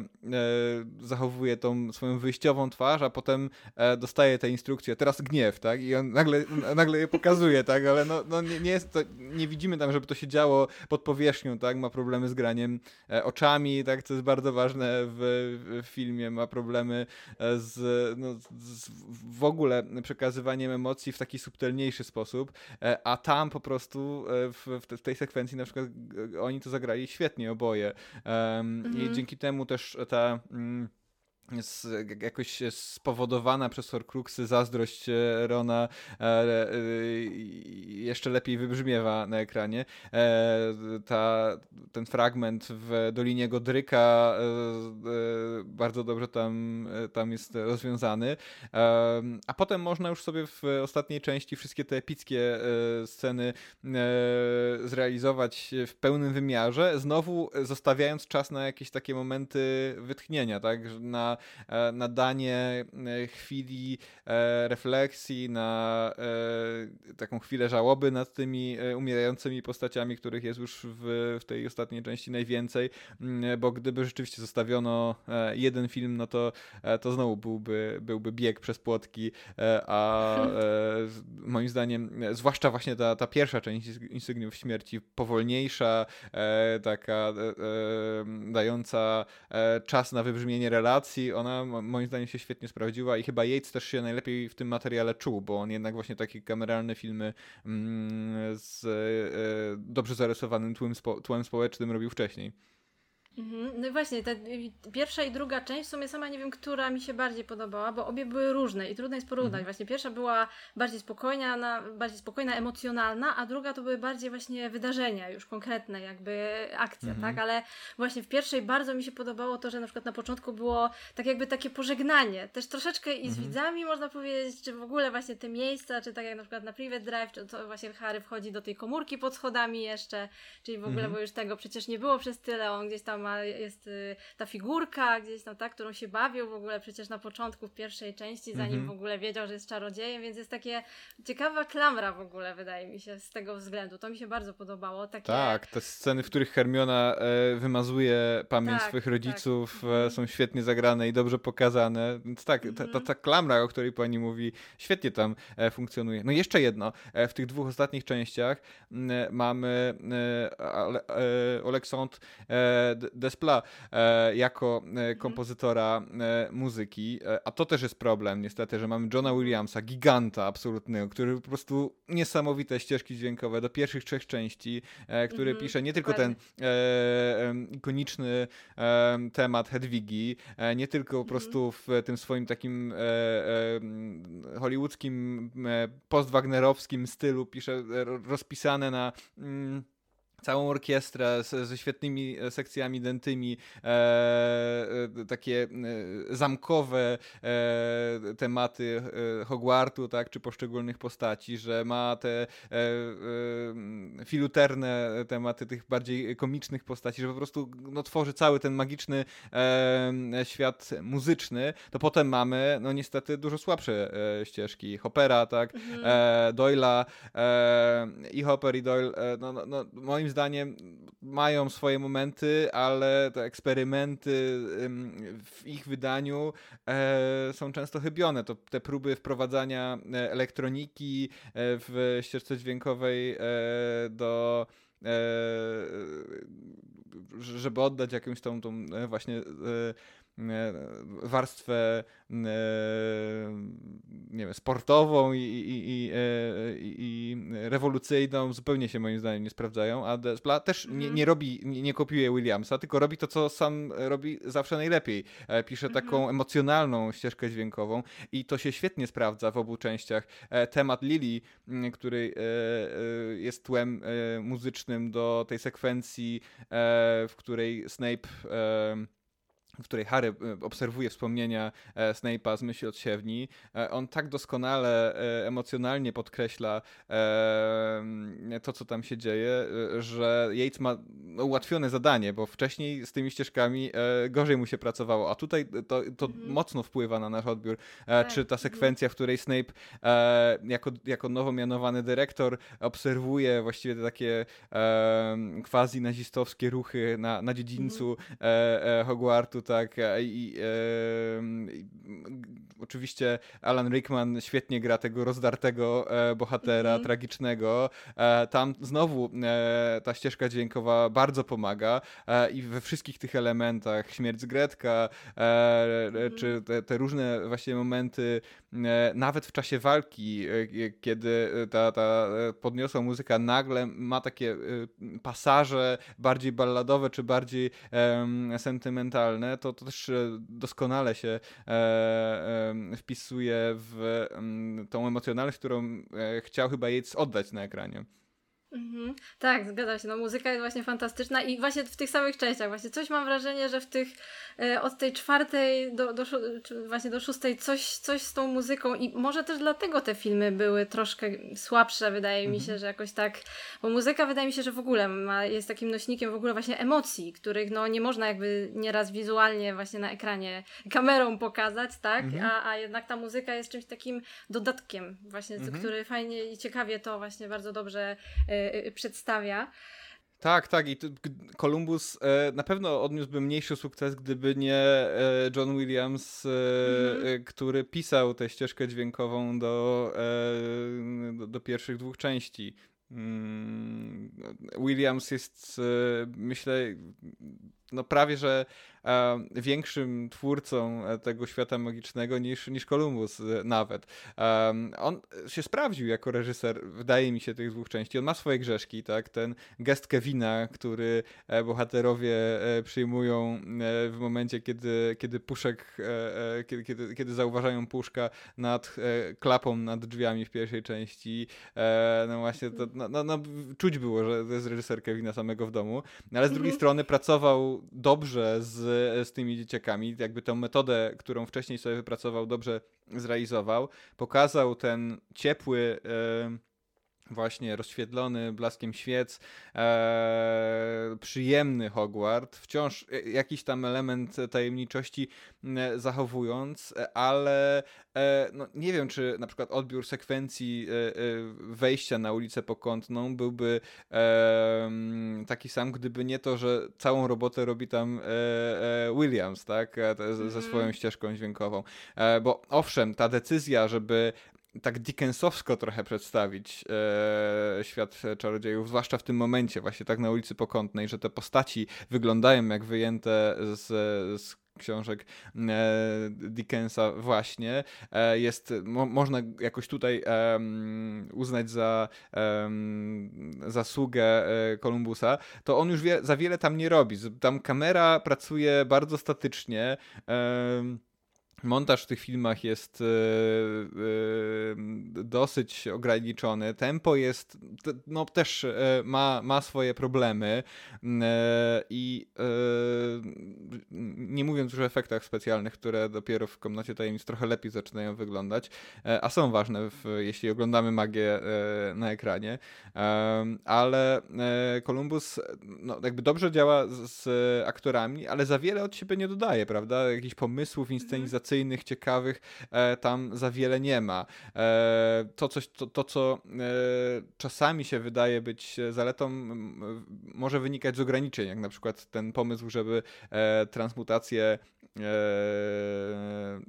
profesor McGonagall w pierwszej scenie ukazać za pomocą cienia właśnie. on wydaje mi się, że nie wiem, czy to był rzeczywiście taki pomysł samego Kolumbusa, czy on wynikał z tych ograniczeń. E, no bez Williamsa e, zupełnie inaczej by to wyglądało, a w przypadku więźnia z kabanu e, to, to, Williams po prostu jeszcze podkręca to, co, co Quaron e, robi doskonale, tak? Z, z, czy z e, tematem hardodzioba, czy z e, tą taką E, świetną sekwencją e, nadmuchiwania e, ciotki March. Jest tam wiele takich momentów, czy, czy z, z tym pięknym, rozpisanym na flet, takim refleksyjnym tematem, który się pojawia przy rozmowach Harego z Lupinem. No, myślę, że do poziomu Williamsa nawet Despla nie, nie doskakuje, ale mhm. on wie, że nie powinien się ścigać z Williamsem właśnie w, w, na jego polu, po prostu nie da się tego zrobić, nie da się e, jemu dorównać, ale tą swoją emocjonalność e, e potrafi e, dołożyć do tego materiału i, i, i stworzyć jakąś nową jakość. Mhm. No ale właśnie te pierwsze dwie części są, miałam wrażenie właśnie, że są najbardziej wiernie oddane. Fakt też mhm. jest taki, że te części są po prostu najkrótsze, um, mhm. więc jakby no tu nie było takiego aż wielkiego problemu, e, żeby się zmieścić w czasie, ale faktycznie jakby, no, chociaż wydaje mi się, że troszeczkę dodał mimo wszystko, no zwłaszcza w tych scenach końcowych gdzieś tam, że jednak y, rozbudował mocniej, tak jak czy na przykład w, mhm. w Komnacie Tajemnic jednak ta walka z Bazyliszkiem no nie, nie trwała chwilki, tak jak w zasadzie on tam po żadnych kanałach nie biegał tak naprawdę w mhm. książce, a, a tutaj więcej właśnie takiej dramaturgii, że tak powiem, było, ale faktycznie to no prawda, niewiele więcej. To prawda, chyba, chyba rzeczywiście, tu ma pani rację, że w Komnacie Tajemnic udało mu się e, dopasować dobrze tą opowieść do formy e, filmowej. E, w książce mi to nie przeszkadzało, że jakby ta sekwencja mhm. nie była tak długa, bo, e, bo e, myślę, że jakkolwiek wiele się tam dzieje, to dla, dla większości czytelników nie o akcję chodzi w, w Harry mhm. Potterze. Chodzi o przyjemność przebywania w tym świecie. E, tak. o, intryga jest, jest ważna, ale intryga jest ważna e, za pierwszym razem, prawda? Powracamy mhm. do tych książek e, nieustannie już z, z innych powodów.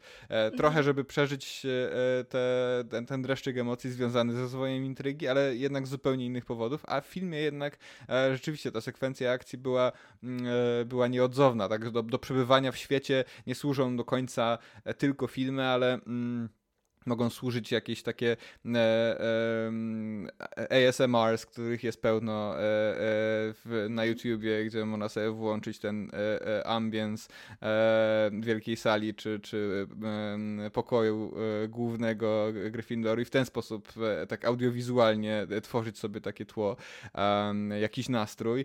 Chociaż no oczywiście Quaronto doskonale robi, tak właśnie odpowiednio serwując te momenty ekspozycji, a, a Columbus ma z tym problem, tak? E, e, jeśli nie mhm. ma tam bohaterów, jeśli ma pokazać, jak ten świat wygląda, jak on funkcjonuje e, w oderwaniu od głównych bohaterów, to, to nie radzi sobie z tym tak dobrze, ale to chyba nikt poza, e, poza e, Quaronem właśnie tego e, dobrze nie uchwycił.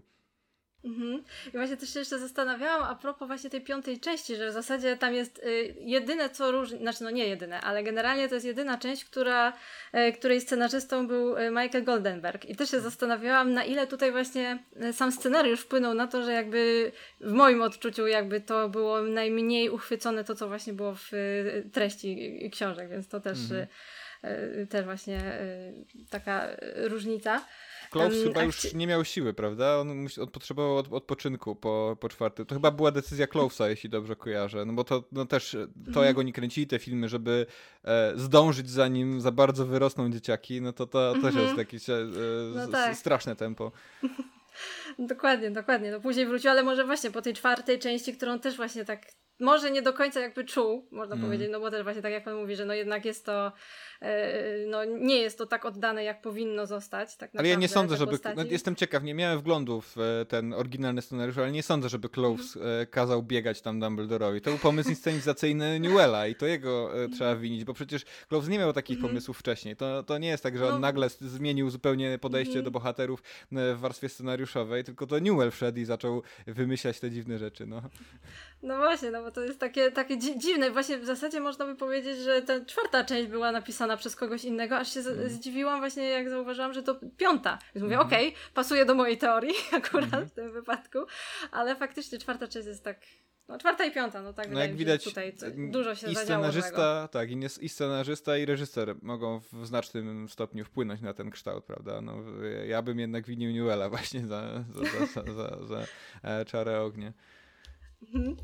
Tak, myślę, że tu jeszcze moglibyśmy bardzo długo rozmawiać na temat każdej z tych części, ale chciałabym przejść teraz do e, kolejnego tematu, czyli do kolejnej adaptacji, która ma się, miejmy nadzieję, mhm. się y, właśnie y, ukazać.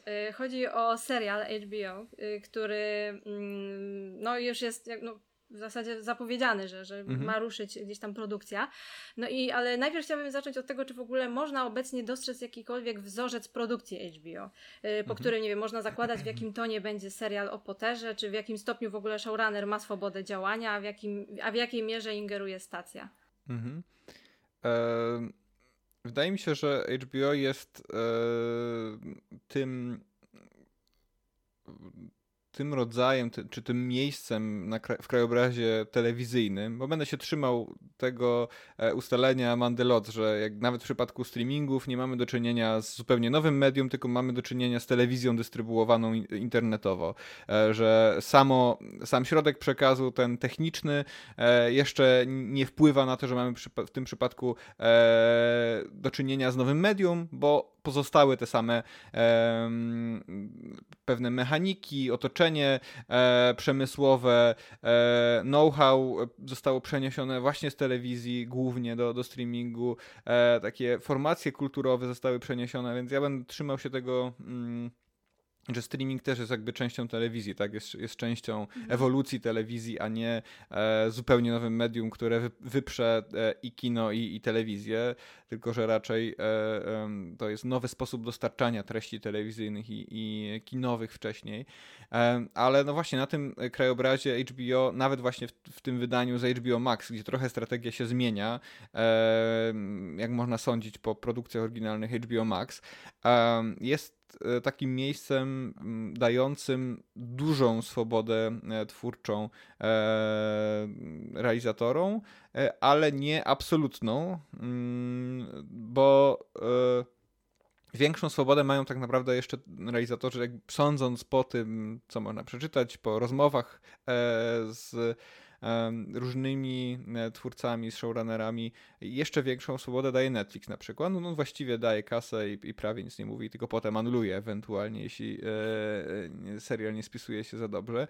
Ale myślę, że to nie do końca jest źle, że nie można oczywiście um,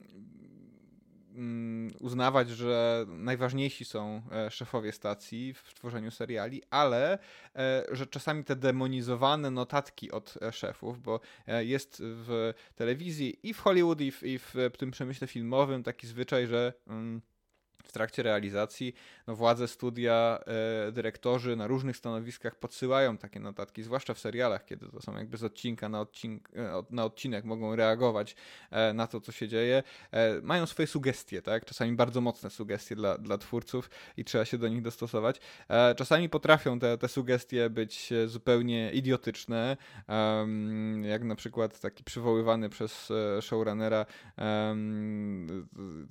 w, w dokumencie z 2014 e, roku mm, zatytułowanym właśnie Showrunner, przypadek, kiedy miał e, w swoim serialu postać e, Mikołaja i notatka od studia brzmiała, czy Mikołaj musi być tak stary. Tak, e, z, z, brodą, prawda, i tak dalej. E, no, potrafią być zupełnie idiotyczne te notatki, ale potrafią one coś wnosić. To nie są tylko e, tacy biznesmeni oderwani od biznesu zdarzają się i, i to pokazuje na przykład postać Aleka Baldwina w 30 Rock, tak, taka parodia właśnie tego e, studia Exeka, e, który przychodzi do, dział, do telewizji z działu mikrofalówek na przykład i, i chce robić telewizję tak samo jak zarządzał e, działem produkującym mikrofalówki. E, zdarzają się takie e, sytuacje, ale jednak e, spora część ludzi tam ma jakieś pojęcie o tym przemyśle rozrywkowym i Czasami naprawdę potrzeba kogoś, kto okiełzna e, na przykład zbyt rozbuchane ego albo jakieś e, tendencje e, showrunnera, który e, bez takiego tarcia czasami e, może osiągać gorsze wyniki. Nie, nie, chodzi o to, że showrunnerzy potrzebują.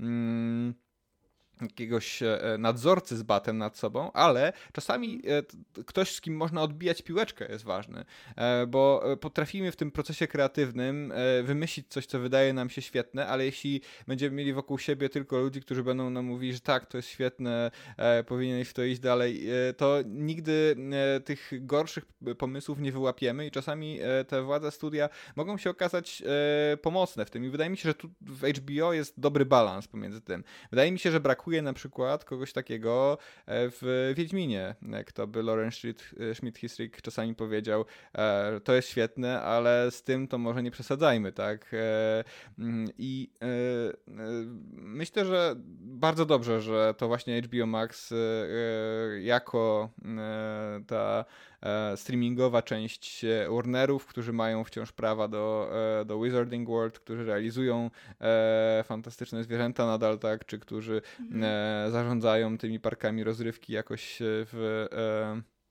w mm, partnerstwie z ośrodkami Universala, że to właśnie oni będą realizowali ten serial, bo oni dają wystarczająco dużo wolności twórczej realizatorom, e, żeby seriale mogły próbować czegoś nowego, żeby były odkrywcze, żeby e, były wciągające i e, przesuwały granice bardzo często, ale z drugiej strony no właśnie zapewniają te, tego kogoś do odbijania piłeczki. Mhm. E, no i właśnie, jeśli chodzi o tą nową produkcję, czy ma Pan jakieś nadzieje albo właśnie obawy? No bo showrunnera właśnie jeszcze z tego co wiemy nie znamy, tak. Mm, ale na, na ile właśnie ta produkcja po pierwsze jest pewna i no póki co mamy w ogóle szczątkowe informacje i czy można na tej podstawie cokolwiek próbować przewidywać i czy są jakieś mhm. faktyczne podstawy, żeby się czegoś spodziewać? No, jest e, prawie pewne, że to nie będzie ponowna adaptacja książek, tak? E, że mhm. będzie to, e, że akcja będzie osadzona gdzieś w, w innych czasach.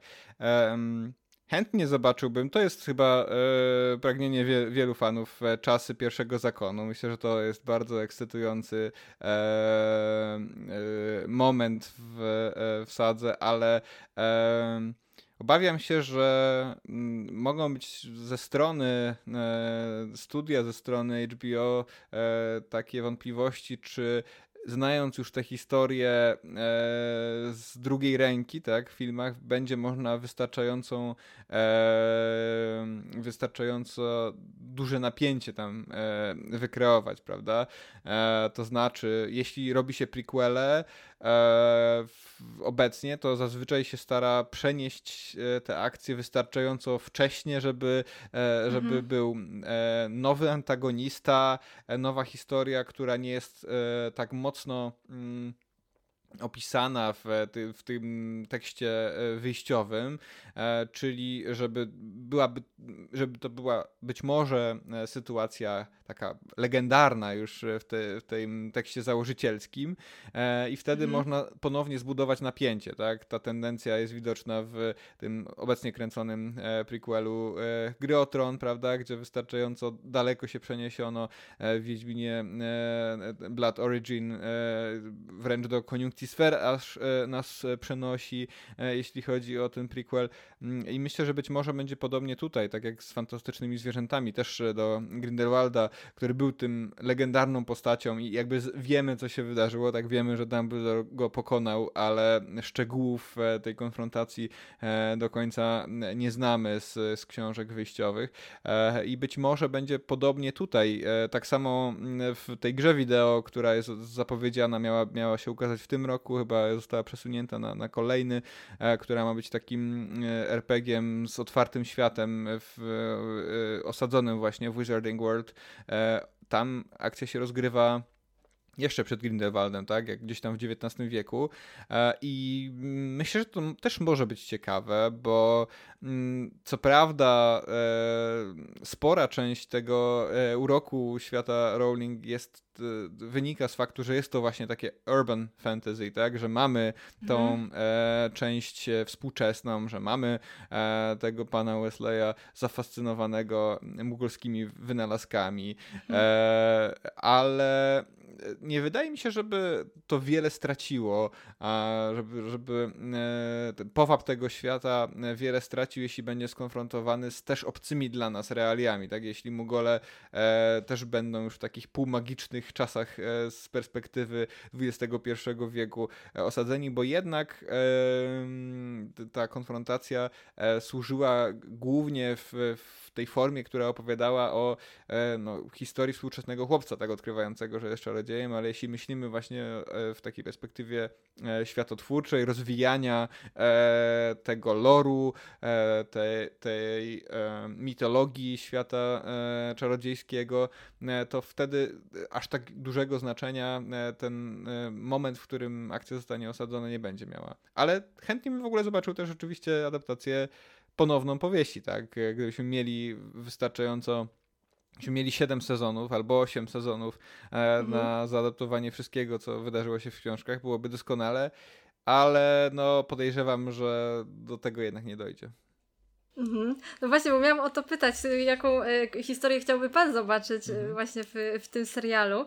Um, no ja generalnie właśnie e, też tak się zastanawiałam właśnie, czy ta właśnie ten początek zakonu, ale czy na przykład nie właśnie troszeczkę dalej, bo zakon mhm. faktycznie mhm. był opisany, ale sama historia w ogóle młodości, tak, Jamesa i Lily, mhm. która w sumie była no troszkę opisana, ale no nie, jakby tam też dużo się działo, wiadomo było, że tam z Syriuszem gdzieś tam zbyt grzeczni nie byli, ale nic więcej na ten temat nie ma.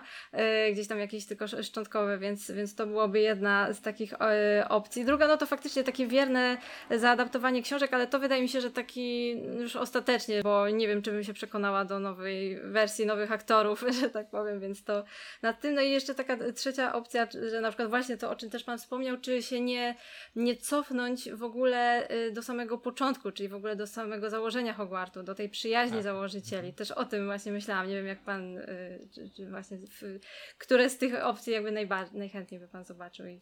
Myślę, że ta przyjaźń założycieli jest już zbyt odległa, że ten świat będzie jednak zbyt odległy, że jeśli sięgniemy do mhm. wieku XIX, to jeszcze ta konfrontacja e, znowu, no ten, ten wiek XIX dla nas, dla nas już jest trochę taki magiczny, tak?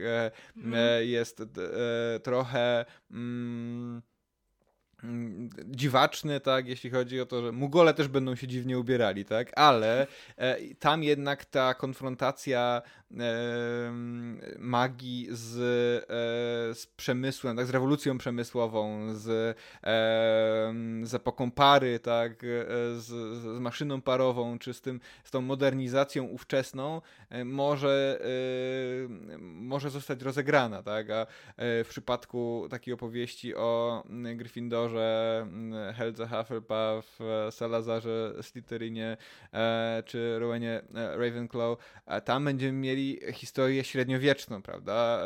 To już mhm. takie high fantasy prawie, że nam się zrobi, bo ca całe otoczenie też będzie całe otoczenie będzie być może wierzyło w magię jeszcze, tak? I gdyby, gdybyśmy mieli to tak pokazać. Co prawda wtedy mogłyby tam wybrzmieć te wszystkie też takie motywy alchemiczno-chrześcijańskie, które są moim konikiem, a które są bardzo wyraźne w mhm. książkach, e, które są taką parabolą e, e, i to jest w ogóle jakaś straszna ironia losu, że akurat na te książki uwzięły się niektóre takie tradycjonalistyczne mhm. środowiska, bo to jest historia bardzo zakorzeniona w takich tropach ewangelicznych, symbolika cała tej książki jest jest, mm. jest bardzo dalece zakorzeniona w, e, w chrześcijaństwie i Rowling to też przyznała, jak już książki zakończyła, tak? Tylko powiedziała, że nie chciała tego czynić strasznie e, wyraźnym, żeby ludzi, którzy akurat w tej religii nie są zakorzenieni od, od, od książek nie odciągać, ale, no, ale nawet już sobie pozwoliła na cytaty biblijne w, w, w insygniach śmierci, więc to by mhm. mogło bardzo dobrze wybrzmieć w, w tych historiach założycielskich, bo ona łączy jakby te elementy transformacji alchemicznej, tak? To też mamy siedem książek, tak? No, mamy albedo, mhm. rubedo, e, właściwie możemy dopasowywać e, poszczególne elementy e, rozwoju, czy, czy e, fragmenty, momenty w rozwoju postaci do e, tych właśnie przemian alchemicznych, ale z drugiej strony mamy, mamy całą tę symbolikę religijną, to, że mamy właśnie Gryfona, że to wąż jest tym zwierzęciem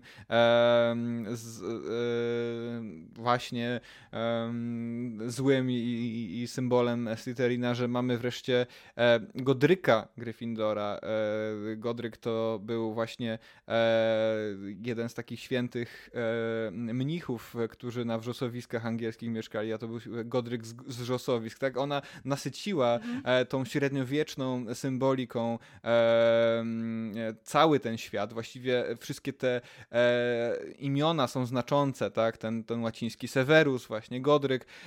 wszystkie je możemy odnieść do takiej siatki alchemiczno-chrześcijańskiej. I pewnie osadzenie tej historii właśnie w, w czasach średniowiecznych dałoby możliwość e, na, na rozegranie tej symboliki w takim bardziej wyraźnym e, sensie ale nie wiem, czy ufam Rowling jako scenarzystce mhm. po Fantastycznych Zwierzętach, bo ona by to mhm. musiała pewnie zrobić, a o ile pierwsza część e, była dla mnie takim ciekawym rozwinięciem tego właśnie, jak, mogły, jak mógł wyglądać ten świat e, po drugiej stronie oceanu, co inaczej byłoby zorganizowane właśnie w amerykańskim Ministerstwie Magii. E, dziękować Bogu, że to się dopiero na tym etapie okazało, bo były też takie pomysły przecież, żeby już samą oryginalną serię adaptacji przenieść do Stanów. Wtedy Spielberg miał realizować e, mhm. kamień filozoficzny i, i Harry miał pochodzić z Nowej Anglii, a nie z Anglii. E, na szczęście Rowling jednak zachowała taką dużą swobodę i mm, uparła się przy tym, żeby to była opowieść mhm. brytyjska i żeby zatrudniać brytyjskich aktorów, co, co okazało się no, doskonałym wyborem. Zwłaszcza, że przecież ona pisała niektóre z tych e, postaci z konkretnymi aktorami na myśli, tak? Robbie Coltrane, mhm był pierwowzorem Hagrida, a nie tylko obsadzonym w tej roli. Maggie Smith to też po prostu jest ucieleśnienie Minervy mm -hmm. McGonagall i możemy tak długo wymieniać. Ale e, no właśnie ten, ten moment, w którym e, ona pisze e, scenariusze właśnie, a nie te oryginały książkowe, średnio się sprawdza w, w momencie, w którym brakuje tej ramy mm, szkolnej, tak? Właśnie tej hmm. konwencji powieści szkolnej, powieści kampusowej trochę można powiedzieć. Co jest interesujące, bo te powieści kryminalne, które e, Rowling pisze pod pseudonimem e, Robert Galbraith, czyli Cormoran Strike, ta cała seria o Cormoranie mm -hmm. Strike'u, jest moim zdaniem bardzo udana. Ona, wiadomo, że e, prawie każdy teraz pisze kryminały, ale ona dobrze mm, przyswoiła sobie te elementy gatunku, ale jednocześnie ten element oryginalny swojej twórczości, pewne mm, takie ciepłe e, zarysowanie e, relacji tam e, też się pojawia. I, i może jakaś tak taka konwencja właśnie trochę kryminalna mogłaby się sprawdzić. Boję się, czy, czy taka mityczna by się sprawdziła. Ona mm. lepiej chyba pracuje w obrębie gatunku o dosyć ustalonych regułach, z którym może w jakiś sposób dyskutować, niż kiedy dostaje za dużą wolność e, twórczą, jak właśnie w fantastycznych e, zwierzętach, czy e, w tej powieści obyczajowej, takiej zaangażowanej społecznie, ta pierwsza, którą wydała po, po Harry Potterze. Trafny wybór, o, tak to się nazywało. No właśnie, więc pewnie ta, ta konwencja e, szkolna chyba zostanie utrzymana, tak myślę. E, a jeśli nie, to, to mogą być problemy, bo za, zależy, kto się za to zabierze, tak? Jak, od, od jakiej strony to ugryzie, ale e, w tym średniowiecznym settingu z historią właśnie Gryffindora i pozostałych e, założycieli Hogwartu e, trzeba będzie eksplorować zupełnie nowy e, nowy temat. A z, mm, z, z, jakąś zupełnie jeszcze inną formą może, może powrócić kazus fantastycznych e, zwierząt, e, gdzie mm -hmm. brakuje esencji. Najchętniej widziałbym jakąś opowieść jednak szkolną, a może w przypadku sukcesu e, jakiś miniserial prequelowy o założycielach. To by chyba najlepiej zadziałało, bo mm -hmm. e, jeśli mając taką markę, mając w ręku wciąż przynoszącą jednak bardzo duże dochody, e, przyciągającą tabuny ludzi markę. Warnerzy myślę, że nie będą chcieli się zamknąć w jakiejś e, krótkiej opowieści, tylko będą chcieli e, rozpisać coś potencjalnie na wiele sezonów. E, myślę, że przynajmniej te 7 sezonów szkolnych to byłaby właśnie taka dobra rama, a wtedy można mm. myśleć o jakimś prequelu, jeśli, jeśli to chwyci, o takim prequelu miniserialowym o założycielach, tak jak, jak Netflix to robi teraz z Blood Origin w przypadku Wiedźmina. Mhm. No właśnie, też się troszeczkę obawiam, bo z jednej strony niby y, Rowling mówiła kiedyś o tym, że ona jakby, mimo że nie ma wielu y, elementów w książce, typu właśnie na przykład y, dzieciństwo, tak, Syriusza czy Jamesa, no to ona to ma w głowie i ona wie, co tam powinno być i z czego wynikają jakieś tam ich zachowania. Tylko no właśnie pytanie, na ile to faktycznie by miało ręce i nogi i też się zastanawiam nad tym, czy to nie jest trochę tak, że jednak już po iluś latach inaczej się tą serię odbiera, już jednak, mhm. na przykład my jesteśmy starsi, tak? Więc już y, nostalgicznie patrzymy na te pierwsze, y, na tą pierwszą, że tak powiem, adaptację, tak? Ale pytanie, jak, jak teraz, czy to właśnie nie byłoby też tak, że no mimo wszystko bardziej krytycznie w tym momencie jakby patrzymy na to, więc w zasadzie wtedy byśmy może tak bezkrytycznie przyjęli wszystko, a w tym momencie już jesteśmy troszeczkę bardziej, no właśnie, krytycznie i, i, i tak y, podchodzimy do, do tego tematu. No i właśnie, jeśli chodzi o ten fenomen y, Pottera, no w latach 2000 tak, miał, miał miejsce, a teraz w zasadzie obserwujemy powrót, y, tak jak do wielu innych starszych produkcji, tak jak na przykład do Gwiezdnych Wojen. No i czy powodem właśnie może być na przykład zysk, czy właśnie jakaś nostalgia, czy no bo niewątpliwie fani chcieliby coś jeszcze zobaczyć z tego świata. Zatem, czy to miałaby być jakaś pewność sukcesu kasowego, a może byłby to właśnie sposób zapewnienia sobie, takie, jakby, że tak to nazwę, gwarantowanego sukcesu, czyli taka metoda na, na PIK TV. I tu może tak dla, dla, krótkiego wyjaśnienia dla osób, które nie słyszały wcześniej o PIK TV, oznacza to szczyt telewizji i PIK TV to jest nazwa zjawiska bardzo dużej ilości produkowanych seriali i określenie to ukuł w 2015 roku John Landgraf, y, prezes stacji FX. A po trzech latach doprecyzował jeszcze to określenie, dodając, że PIK TV to Too Much TV, no bo na przykład w 2015 roku pojawiło się około 400 seriali, w 2016 podobnie.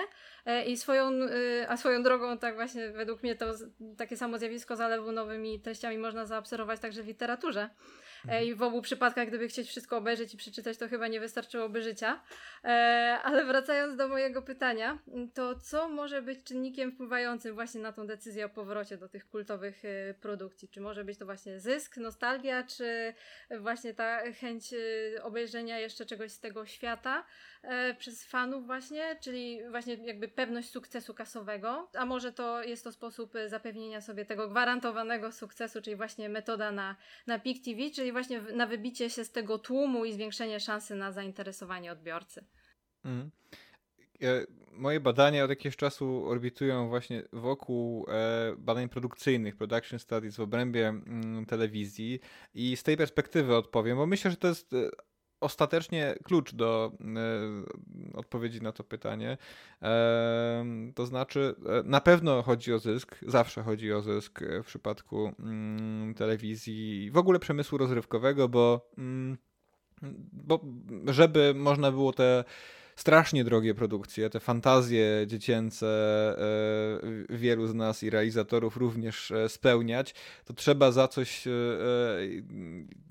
mieć je spełniać, tak? To, żeby można było wydać po prawie 500 milionów dolarów na jeden sezon serialu, bo, bo taki budżet będzie miał ten, czy ma już ten pierwszy sezon Władcy Pierścieni Amazona, to, to mhm. trzeba te pieniądze gdzieś zdobyć, więc e, obietnica sukcesu jest na pewno ważna, ale myślę, że ten kontekst, który pani tutaj zarysowała, e, czyli właśnie PIK TV. E, ja nawet najbardziej lubię tłumaczenie jako telewizja przesilenia, bo to jest rzeczywiście szczyt, -hmm. ale też taki moment przesilenia, bo Landgraf, jak ukuł ten termin, to właściwie co roku tak jakby prognozował trochę że to już zaraz pęknie, tak? Że ta bańka mm. już za chwilkę pęknie, że to już jest, jest, jest przesilenie i za każdym razem coraz więcej było. W, w końcu przestał tak robić, bo zauważył, że, że to nie ma tego na razie na horyzoncie, ale wszyscy się boją tego w przemyśle też, prawda? Bo mamy mm. teraz moment, w którym rzeczywiście pracy w Hollywood i we wszystkich innych przemysłach rozrywkowych dzięki streamingom globalnym jest e, co niemiara. E, tych produkcji ukazuje się niesamowicie dużo, ale one, jak pani słusznie wskazała, e, prowadzone są, to te produkcje są finansowane w kontekście tych tak zwanych wojen streamingowych. Właśnie w, w odniesieniu mhm. do PIK TV wszystkie te platformy, które mamy na rynku, które albo weszły niedawno, albo są już dłużej, jak, jak Netflix, albo weszły niedawno, jak Paramount Plus, czyli zrebrandowany CBS All Access, czy Disney Plus, um, czy, czy właśnie rebranding HBO Go i Now na HBO Maxa. One wszystkie e, starają się wyrwać ten kawałek tortu, e, jeszcze zdominować innych um, i dlatego tak mocno inwestują w, e, w treści, ale... Mm, Myślę, że to nie jest sytuacja e, odpowiadająca na przykład rynkowi nieruchomości, tak? To nie jest lokata kapitału, bo wszyscy mm -hmm. też mhm. cały czas e, prognozują pęknięcie bańki na rynku nieruchomości, tak? Mm -hmm. Zwłaszcza tacy domorośli doradcy, e, którzy chcieliby wszystkim ułatwiać decyzje życiowe, cały czas prognozują, że to w końcu pęknie i wtedy będzie można coś kupić. Ale to jest jednak trochę coś innego. Tu nie mamy do czynienia z lokatą kapitału ze strony tych wielkich przemysłów, albo z lokatą kapitału w trochę dłuższej perspektywie, jeśli już trzeba było to e, precyzować. To znaczy, mm, te seriale mają zbudować jakąś taką bibliotekę, która będzie nieodzowna, tak? po którą trzeba będzie e, sięgnąć, zapłacić tą subskrypcję, żeby mieć dostęp do tych wszystkich produkcji. E, napędza to Netflix, robiąc to na kredyt, właściwie e, inwestując ogromne pieniądze właśnie po to, żeby się odróżnić od tych platform, które mają już pewne zasoby materiałów, do których mają prawa ale w pewnym momencie tu mi się wydaje, że, że te prognozy Landgrafa w końcu się spełnią rzeczywiście, tylko mhm. chyba po prostu w dłuższej perspektywie, w, w późniejszym momencie ta bańka e, pęknie, bo w pewnym momencie trzeba będzie przestać e, pracować na, na podział e, e rynku, a zacząć kapitalizować e, to swoje miejsce na rynku, tak? To znaczy dopóki te wielkie spółki muszą ze sobą e, właściwie szponami i kłami walczyć o to, żeby mieć nowych subskrybentów albo żeby przyciągnąć subskrybentów, którzy już e, mają e, też, czy zapłacili już za usługi innych e, dostawców, swoich konkurentów, dopóty ta produkcja będzie bardzo mm, będzie życie jej tak dużo, ale ona rzeczywiście cała jest realizowana na kredyt, tak? Albo e, mm, są w tych zeznaniach, e, czy w tych raportach dla e, udziałowców są takie informacje, albo dosłownie są zaciągane kredyty na, na tą produkcję. I w tym momencie posiadanie takiej marki, jak pani wskazała, jest nieodzowne, żeby mieć jakąś taką bardzo wyraźną markę, jakąś franczyzę, mhm. wokół której można to budować. To pokazuje Disney Plus, tak, który jest serwisem o znacznie mniejszej liczbie Mm, tych treści od, e, e, od Netflixa. E, oczywiście jakby w ekosystemie Disneya poza Disney Plus jest jeszcze Hulu, które w tej chwili jest już w całości kontrolowane przez Disneya. Tam są jeszcze trochę udziałów ma Comcast, ale e, powiedzmy, że to nie jest do końca tak, że Disney ma tylko Disney Plus, ma jeszcze Hulu, ale e, w tym wszystkim jednak e, sukces Disney Plus większy niż przewidywano, niż wszyscy analitycy rynku przewidywali, e, zależał właśnie od tego, że mają Marvela i Gwiezdne Wojny, tak? E, to, że są te treści archiwalne Disneya, że można obejrzeć wszystkie animacje e, Disneya, że są treści z National Geographic, czy sportowe z ESPN, wydaje się nie mieć takiego znaczenia na przyciąganie nowych subskrybentów, e, jak, e, jak te nowe produkcje właśnie ze znanych franczyz. Bo e, te, ten cały zasób, ta biblioteka, która tam jest, ona może się przyczyniać do retencji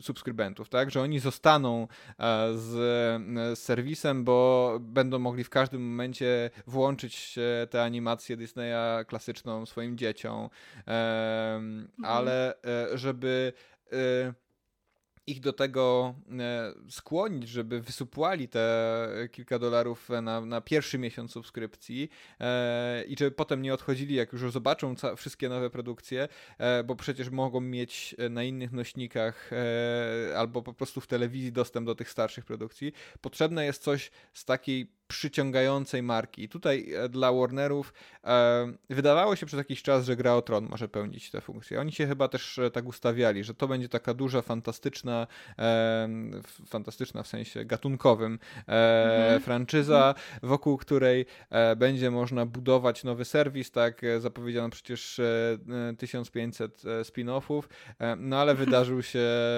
ósmy sezon, wszystkim fanom pozostał po nim cierpki smak i e, mimo, że są próby jakiejś resuscytacji tej marki, także mm. kręcony jest ten spin-off wreszcie o Targaryenach, e, to, to, to, to nie wypaliło. A przecież Warner mm, ma problemy w ogóle ostatnimi czasy z prowadzaniem takich nowych franczyz. No nie ma nic absolutnie porównywalnego ani z Marvelem, ani z E, z Gwiezdnymi Wojnami nawet, e, które też zostały trochę przez Disneya e, zarżnięte, ale akurat Mandalorianin jako ta, ta serialowa część uniwersum okazała się być doskonale przyjęta przez fanów. Ona napędza te subskrypcje i jakby strategia rozwoju Disney Plus w dalszej części, poza tymi serialami z MCU, które teraz obserwujemy, które są wprowadzane konsekwentnie jedne po drugich, też jest oparta na jakby jakby rozwinięciu tego schematu z Mandalorianina.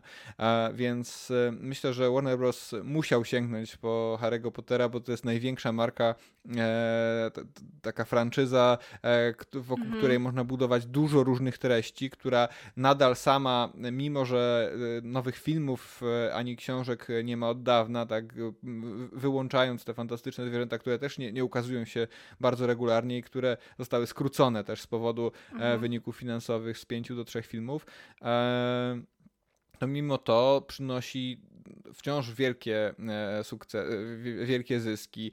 E, cały czas merchandising się bardzo dobrze sprzedaje, cały czas parki rozrywki przyciągają jakieś tabuny, rzesze ludzi, przynajmniej tak było przed pandemią. I myślę, że to była nieodzowna decyzja dla, dla HBO, dla Warnerów, żeby przyciągać nowych subskrybentów, bo te jakościowe seriale HBO, nowe produkcje osadzone w, w nowych warunkach, one mm, też na pewno mogą pewien segment um, subskrybentów e, przyciągać. To, że one mają doskonałe recenzje, zazwyczaj tak, produkcje takie jak Mare of Easttown, które są e, jednosezonowymi e, hitami, czy te dłuższe, e, one, one, one będą e, miały swoje miejsce, ale są takie analizy, które by wskazywały, że być może już e, tak jakby pula subskrybentów, którzy akurat na, e, na ten rodzaj haczyka się da złapać, e, się już wyczerpała, że oni już od dawna HBO mają i nie będą z niego rezygnowali, bo po prostu e, dostają to, czego chcą, a żeby przeciągnąć tych nowych, żeby urwać trochę mm. e, pro, kilka procent e, subskrybentów e, Netflixowi czy Disneyowi, albo po prostu zachęcić subskrybentów tych innych serwisów do dołożenia jeszcze jednej comiesięcznej opłaty, e, tutaj trzeba sięgnąć po coś, co ma mm, e, bardzo szeroki e, zasięg, tak? co, co przyciągnie e, bardzo szeroką grupę ludzi i tym czymś na pewno jest właśnie Wizarding World i jakaś produkcja spod znaku Harry Pottera. Mhm. Teraz chciałabym porozmawiać chwilę o charakterystyce gatunku filmowego. E, czy można powiedzieć, że w filmach są elementy horroru e, i jednocześnie zaklasyfikować tą serię także do tego gatunku? Mm, oczywiście nie gore. E, czy kilka motywów gatunku nie czynią? Mm, a może jednak to byłby dreszczowiec, czyli thriller. Może to lepiej, może to określenie lepiej pasuje. No i jak najtrafniej byłoby zaklasyfikować tą serię, czyli na przykład od Czary Ognia wypadałoby mówić o innym gatunku, bo tu ewidentnie stają się bardziej mroczne, no chociaż więzień y, i ten wprawiony w ruch y, plac zabaw nocą w deszczu i oczywiście nagle i tak dalej, no to, to tutaj też są, pojawiały się jakieś e, elementy. No i z kolei w późniejszych filmach widać też więcej elementów komedii, tak? No więc y, czy można całą serię jednoznacznie zaklasyfikować do konkretnego gatunku, czy lepiej mówić o pojedynczych tytułach lub jakoś je pogrupować? E jak Rick Altman, chyba najlepszy badacz e, gatunków e, we współczesnym filmoznawstwie, e, pisze, mm, gatunki nigdy nie są czyste. One nieustannie ewoluują, wchodzą w takie mariaże i z tego właściwie rodzą się też nowe gatunki. Tak? Mamy najpierw gatunki przymiotnikowe, które potem się stają gatunkami rzeczownikowymi, tak? To musical, e, w musical comedy było kiedyś przymiotnikiem dodającym, tak? Do, do tego wcześniejszego gatunku komedia e, ten aspekt przymiotnikowy, a potem już po okrzepnięciu, po tym jak e, z jednej strony publiczność, a z drugiej e, sami producenci e, dostrzegają użyteczność jakiegoś gatunku albo właśnie do klasyfikacji, albo do sprzedaży e, czegoś jako, jako mm, jakiegoś produktu jako właśnie należącego do, do tego gatunku, wtedy możemy mówić o, o jakimś takim procesie um, uznawania gatunku, czy zdobywania przez niego szerszego uznania, ale on się nigdy nie kończy. E, Wydaje mi się, że w przypadku Harry'ego Pottera mm, jakieś elementy różnych gatunków oczywiście tam mamy. Mamy do czynienia z takimi gatunkami zmieszanymi, gatunkami e, nieczystymi, ale to, e, to mamy do czynienia z taką sytuacją nie tylko w postmodernizmie, tak, nie tylko od mhm. przemieszania tych porządków, ale wydaje mi się, że od początku istnienia kina. E, wydaje mi się, że najlepszym takim e, to, tą, tą siatką pojęciową byłaby e, jakaś hybryda e, filmu fantasy, tak, bo rzeczywiście mamy tutaj do czynienia z tymi elementami fantastycznymi właśnie w takim kluczu fantasy, czy urban fantasy zwłaszcza, ale to jest też znowu gatunek bardziej literacki niż, e, niż filmowy. Powiedzmy, że e, rzadko się mówiło o urban fantasy e, w odniesieniu do, do gatunków filmowych, ale fantasy samo w sobie, jako ta szersza klasyfikacja, by chyba tutaj pasowało.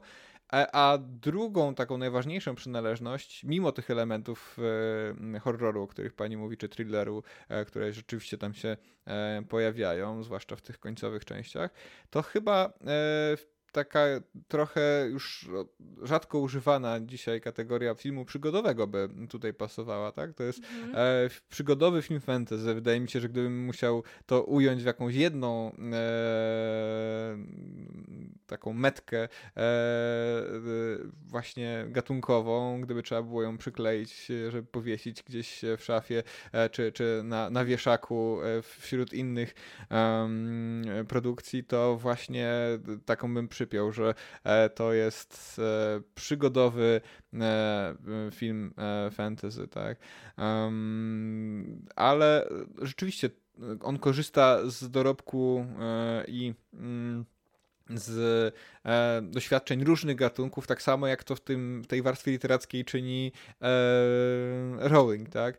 Um, ten gatunek właśnie young adult fiction, e, on dobrze by tutaj funkcjonował, ale na razie się w e, tym dyskursie filmoznawczym e, jeszcze nie przyjęło to rozróżnienie gatunkowe. E, raczej sprzedaje się każdą z tych young adult films jako mhm. adaptację tego konkret, tej konkretnej powieści niż jako kolejny film z gatunku young adult, tak? Albo jako klona, jako, jako nowego Harry'ego Pottera, jako nowego wypełni e, tutaj e, e, trzy kropki, tak, wypełni puste miejsca, mm. cokolwiek, czymkolwiek nowym miałby być ten film. Rzadko raczej wydaje mi się ta promocja właśnie przebiega na takim na takiej osi, że to mamy kolejny film Young Adult, więc może Young Adult jako nowa klasyfikacja gatunkowa by się by tutaj odpowiadała, ale gdybym miał powiedzieć jak, jak, jakiś czy, czy wybrać ten, tą, tą jedną klasyfikację, to byłaby to właśnie, byłby to przygodowy film fantasy. Mhm. E, no i ostatnie pytanie, e, w zasadzie ostatni temat, o którym chciałabym porozmawiać, to w zasadzie mm, co dostrzegamy po latach tej serii, czyli mhm. na przykład co ta seria wtedy zmieniła, na przykład społecznie wśród dzieci, czy te filmy w ogóle miały wpływ na jakieś inne, późniejsze produkcje. No i czy jakieś, czy ma Pan może jakieś nowe spostrzeżenia dotyczące tej serii, czy jakieś motywy, które dalej działają, czy już tylko albo hmm. głównie nostalgia? E, nie, moim zdaniem e, nadal działają. E, e mhm. mam na to pewne e, dowody, bo e, jak już wspominałem, moja mama jest nauczycielką i nauczycielką języka polskiego i korzysta też z Harry'ego Pottera jako lektury, mimo że mhm. lektury potrafią być tym znienawidzonym elementem, który, do którego się nie sięga, nawet jeśli to jest fajna książka, tak? To w mm. e, przypadku e, Harry'ego Pottera, z tego co słyszę właśnie e, od mamy, e, cały czas chętnie się po nią sięga, cały czas jest to coś atrakcyjnego, tak? I kiedy trzeba było mhm. wybrać e, dodatkową książkę do omówienia, bo, e, bo w tym roku tak się udało e, wcześniej program zrealizować wyjątkowo, to wybrali jeszcze jednego Harry'ego Pottera, tak? E, więc tak. wydaje mi się, że nawet wśród tych, tych młodszych pokoleń, gdzie może się wydawać, że mm, trudno z nimi rozmawiać. Z naszej perspektywy także siatka odniesień jest, jest trochę inna, e, że nie śledząc e, najnowszych trendów TikTokowych możemy być bardzo z tyłu. Okazuje się, że to nie jest tak, że zupełnie tam e, to nie chwyta. Chyba oglądalność też tych filmów i w telewizji i popularność w serwisach streamingowych wskazuje, że nadal ludzie chętnie do tych, do tych filmów wracają, ci, którzy już je, już je widzieli. Nie wiem, czy tylko z perspektywy takiej nostalgicznej, ale wydaje mi się, że nie, że to jest wciąż bardzo dobrze opowiedziana historia e, z świetnymi bohaterami, e, mająca oczywiście swoje niedociągnięcia, ale one tam zawsze były, takie, takie światotwórcze właśnie, czy pewne luki logiczne, tak, e, ale Rowling ma e, taki talent, żeby e, dzięki materii, dzięki właśnie bohaterom, e, sytuacjom, e, emocjom przyklepać trochę, zasłonić, gdzie trzeba te, te niedoskonałości, żeby mm, żebyśmy nie myśleli za każdym razem e, właśnie o tych możliwych e, zastosowaniach zmieniacza czasu na przykład, bo to jest jedna z tych luk czasowych, mm. takich luk logicznych, które e, najczęściej podnoszono do zmieniania przeszłości. I to wciąż wydaje mi się działa. To, co jest zaskakujące z dzisiejszej perspektywy właśnie, co się zmieniło być może w takim odbiorze, e, to właśnie e, te, te sprzeciwy wobec Harry'ego Pottera wówczas. Wydaje mi się, że dzisiaj tak mocnych reakcji już by nie było. Chociaż zazwyczaj tak też było w, powiedzmy te 20 parę lat temu, że krytykowali ci, którzy nie czytali powieści, a, a mm, powiedzmy z tych takich tradycjonalistycznych e, e, kręgów bardziej e, płynęły też pozytywne takie pozytywne głosy od ludzi, którzy się z książkami zapoznali, tak? Przecież prezesem polskiego wydawnictwa Media Rodzina, które wydaje Harry'ego Pottera w Polsce, jest pastor. I, nie mówiąc o, o, o, o, tych całych zestawieniach, wydaje mi się, że właśnie ten religijny odbiór byłby, zwłaszcza jakby znając całość kontekstu i, albo zapoznając się w ogóle z treścią, że, że dzisiaj chyba mniejszy, mniejszy opór byłby wobec tej strony. Natomiast gdybym miał myśleć o tych kontrowersjach z dzisiejszej perspektywy, z perspektywy e, dzisiejszego e, takiego krajobrazu politycznego, e, to pewnie większym problemem byłby. Mm, byłaby ta taka antynacjonalistyczna, anty. Um, no właściwie antykonserwatywna wymowa e, te, tego konfliktu między Mugolami a, e, a czarodziejami mm. czystej krwi, bo to jest główne polityczne przesłanie książki, mm tak? Mocno osadzone w brytyjskim, takim kastowym, właściwie jeszcze wciąż arystokratycznym czy e, hierarchicznym społeczeństwie. Ona, ona, bardzo wyraźnie wybrzmiewa mm, i wydaje mi się, że to by było w epoce właśnie takiego politycznego rozdrgania, polaryzacji odebrane być może gorzej niż te niż, niż ta magia, tak? Fakt, że tutaj się atakuje e, torysów, tak? E, albo z amerykańskiej perspektywy republikanów, tak? Że oni tam by siebie odnaleźli, że to mogłoby e, większe problemy sprawiać. Odsuwam na bok e, te kontrowersje z samą Rowling i E, e, zarzutami o, o e, terfizm, czy e, jakieś, e, o, czy jej wypowiedziami na temat osób niebinarnych, e, bo to jest, wydaje mi się, sprawa wykraczająca poza książki. Nie chcę, wydaje mi się, że to jest osobny wątek mm. zupełnie. E, bardziej mm. myślę właśnie o samych, o samych książkach e, i, i, o ich odbiorze. I wydaje mi się, że gdybym miał typować, może się mylę, może to nadal mm, ta recepcja przebiegałaby tak samo, ale wydaje mi się, że gdyby to dzisiaj zadebiutowało, to znacznie bardziej właśnie zwolennicy Borisa Johnsona czy Donalda Trumpa poczuliby się obrażeni za to, że są przedstawieni tam jako, jako pobratymcy mm. albo Lucjusza Malfoya, albo e, tego e, ograniczonego e, e Vernona Dursleya, niż o to, że ktoś tam macha różdżką e, i wypowiada e, łacińskie zaklęcia. Mhm. Też tak myślę, że teraz byłaby, może nawet, yy, yy, wydaje mi się, że nawet może ta krytyka byłaby jeszcze szersza, nie tylko ze względów religijnych, tylko właśnie jeszcze tych dodatkowych, o których Pan też wspominał, że właśnie ta, ta krytyka nie byłaby tak, można powiedzieć, y, jedno, jednokierunkowa mm -hmm. w mhm. zasadzie, co paradoksalnie wpłynęło na popularność, bo mm -hmm. to, co zakazane, no to, to wszyscy gdzieś tam wtedy bardziej yy, chcą czytać. Tak, tylko to właśnie um, dla mnie jest tak śmieszne, yy, patrząc z perspektywy tych motywów religijnych, którymi się zajmuję, bo ta książka jest no. bardzo chrześcijańska. No to nie są opowieści z Narni może, taka e, protoewangelia, ale no tam po prostu symbolika, przesłanie, Mhm. e, wszystko właściwie jest tam strasznie chrześcijańskie, tak. więc to jest e, straszna ironia losu, że akurat Harry Potter e, Mhm. znalazł się na ostrzu e, krytyki z tej strony.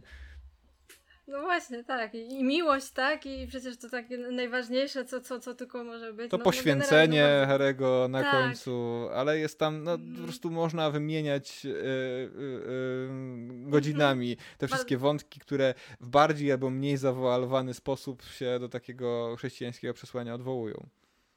Mhm. No właśnie, jeszcze jeśli chodzi o to, co na przykład wśród dzieci, co ja zauważyłam, jak byłam y, mała, no to generalnie y, ja w wieku 6 lat zaczęłam nosić okulary. No więc i to jeszcze były, wydaje mi się, czasy, kiedy właśnie okularników, y, gdzieś tam właśnie, czy kujonów, tak, czy rudzielców, y, gdzieś on, to było wytykane. A wydaje mi się, że Harry Potter zmienił to, że to było takie, jak, jeżeli ktoś nosił na przykład okulary, no to to było, o fajne, bo Harry też takie nosił, prawda? Mhm. Więc jakby to już się, wydaje mi się, zmieniło w takiej właśnie sferze społecznej wśród dzieci, wydaje mi się, że właśnie już to nie było takie coś, że o, to jest ktoś inny, tylko to jest właśnie coś takiego ciekawego.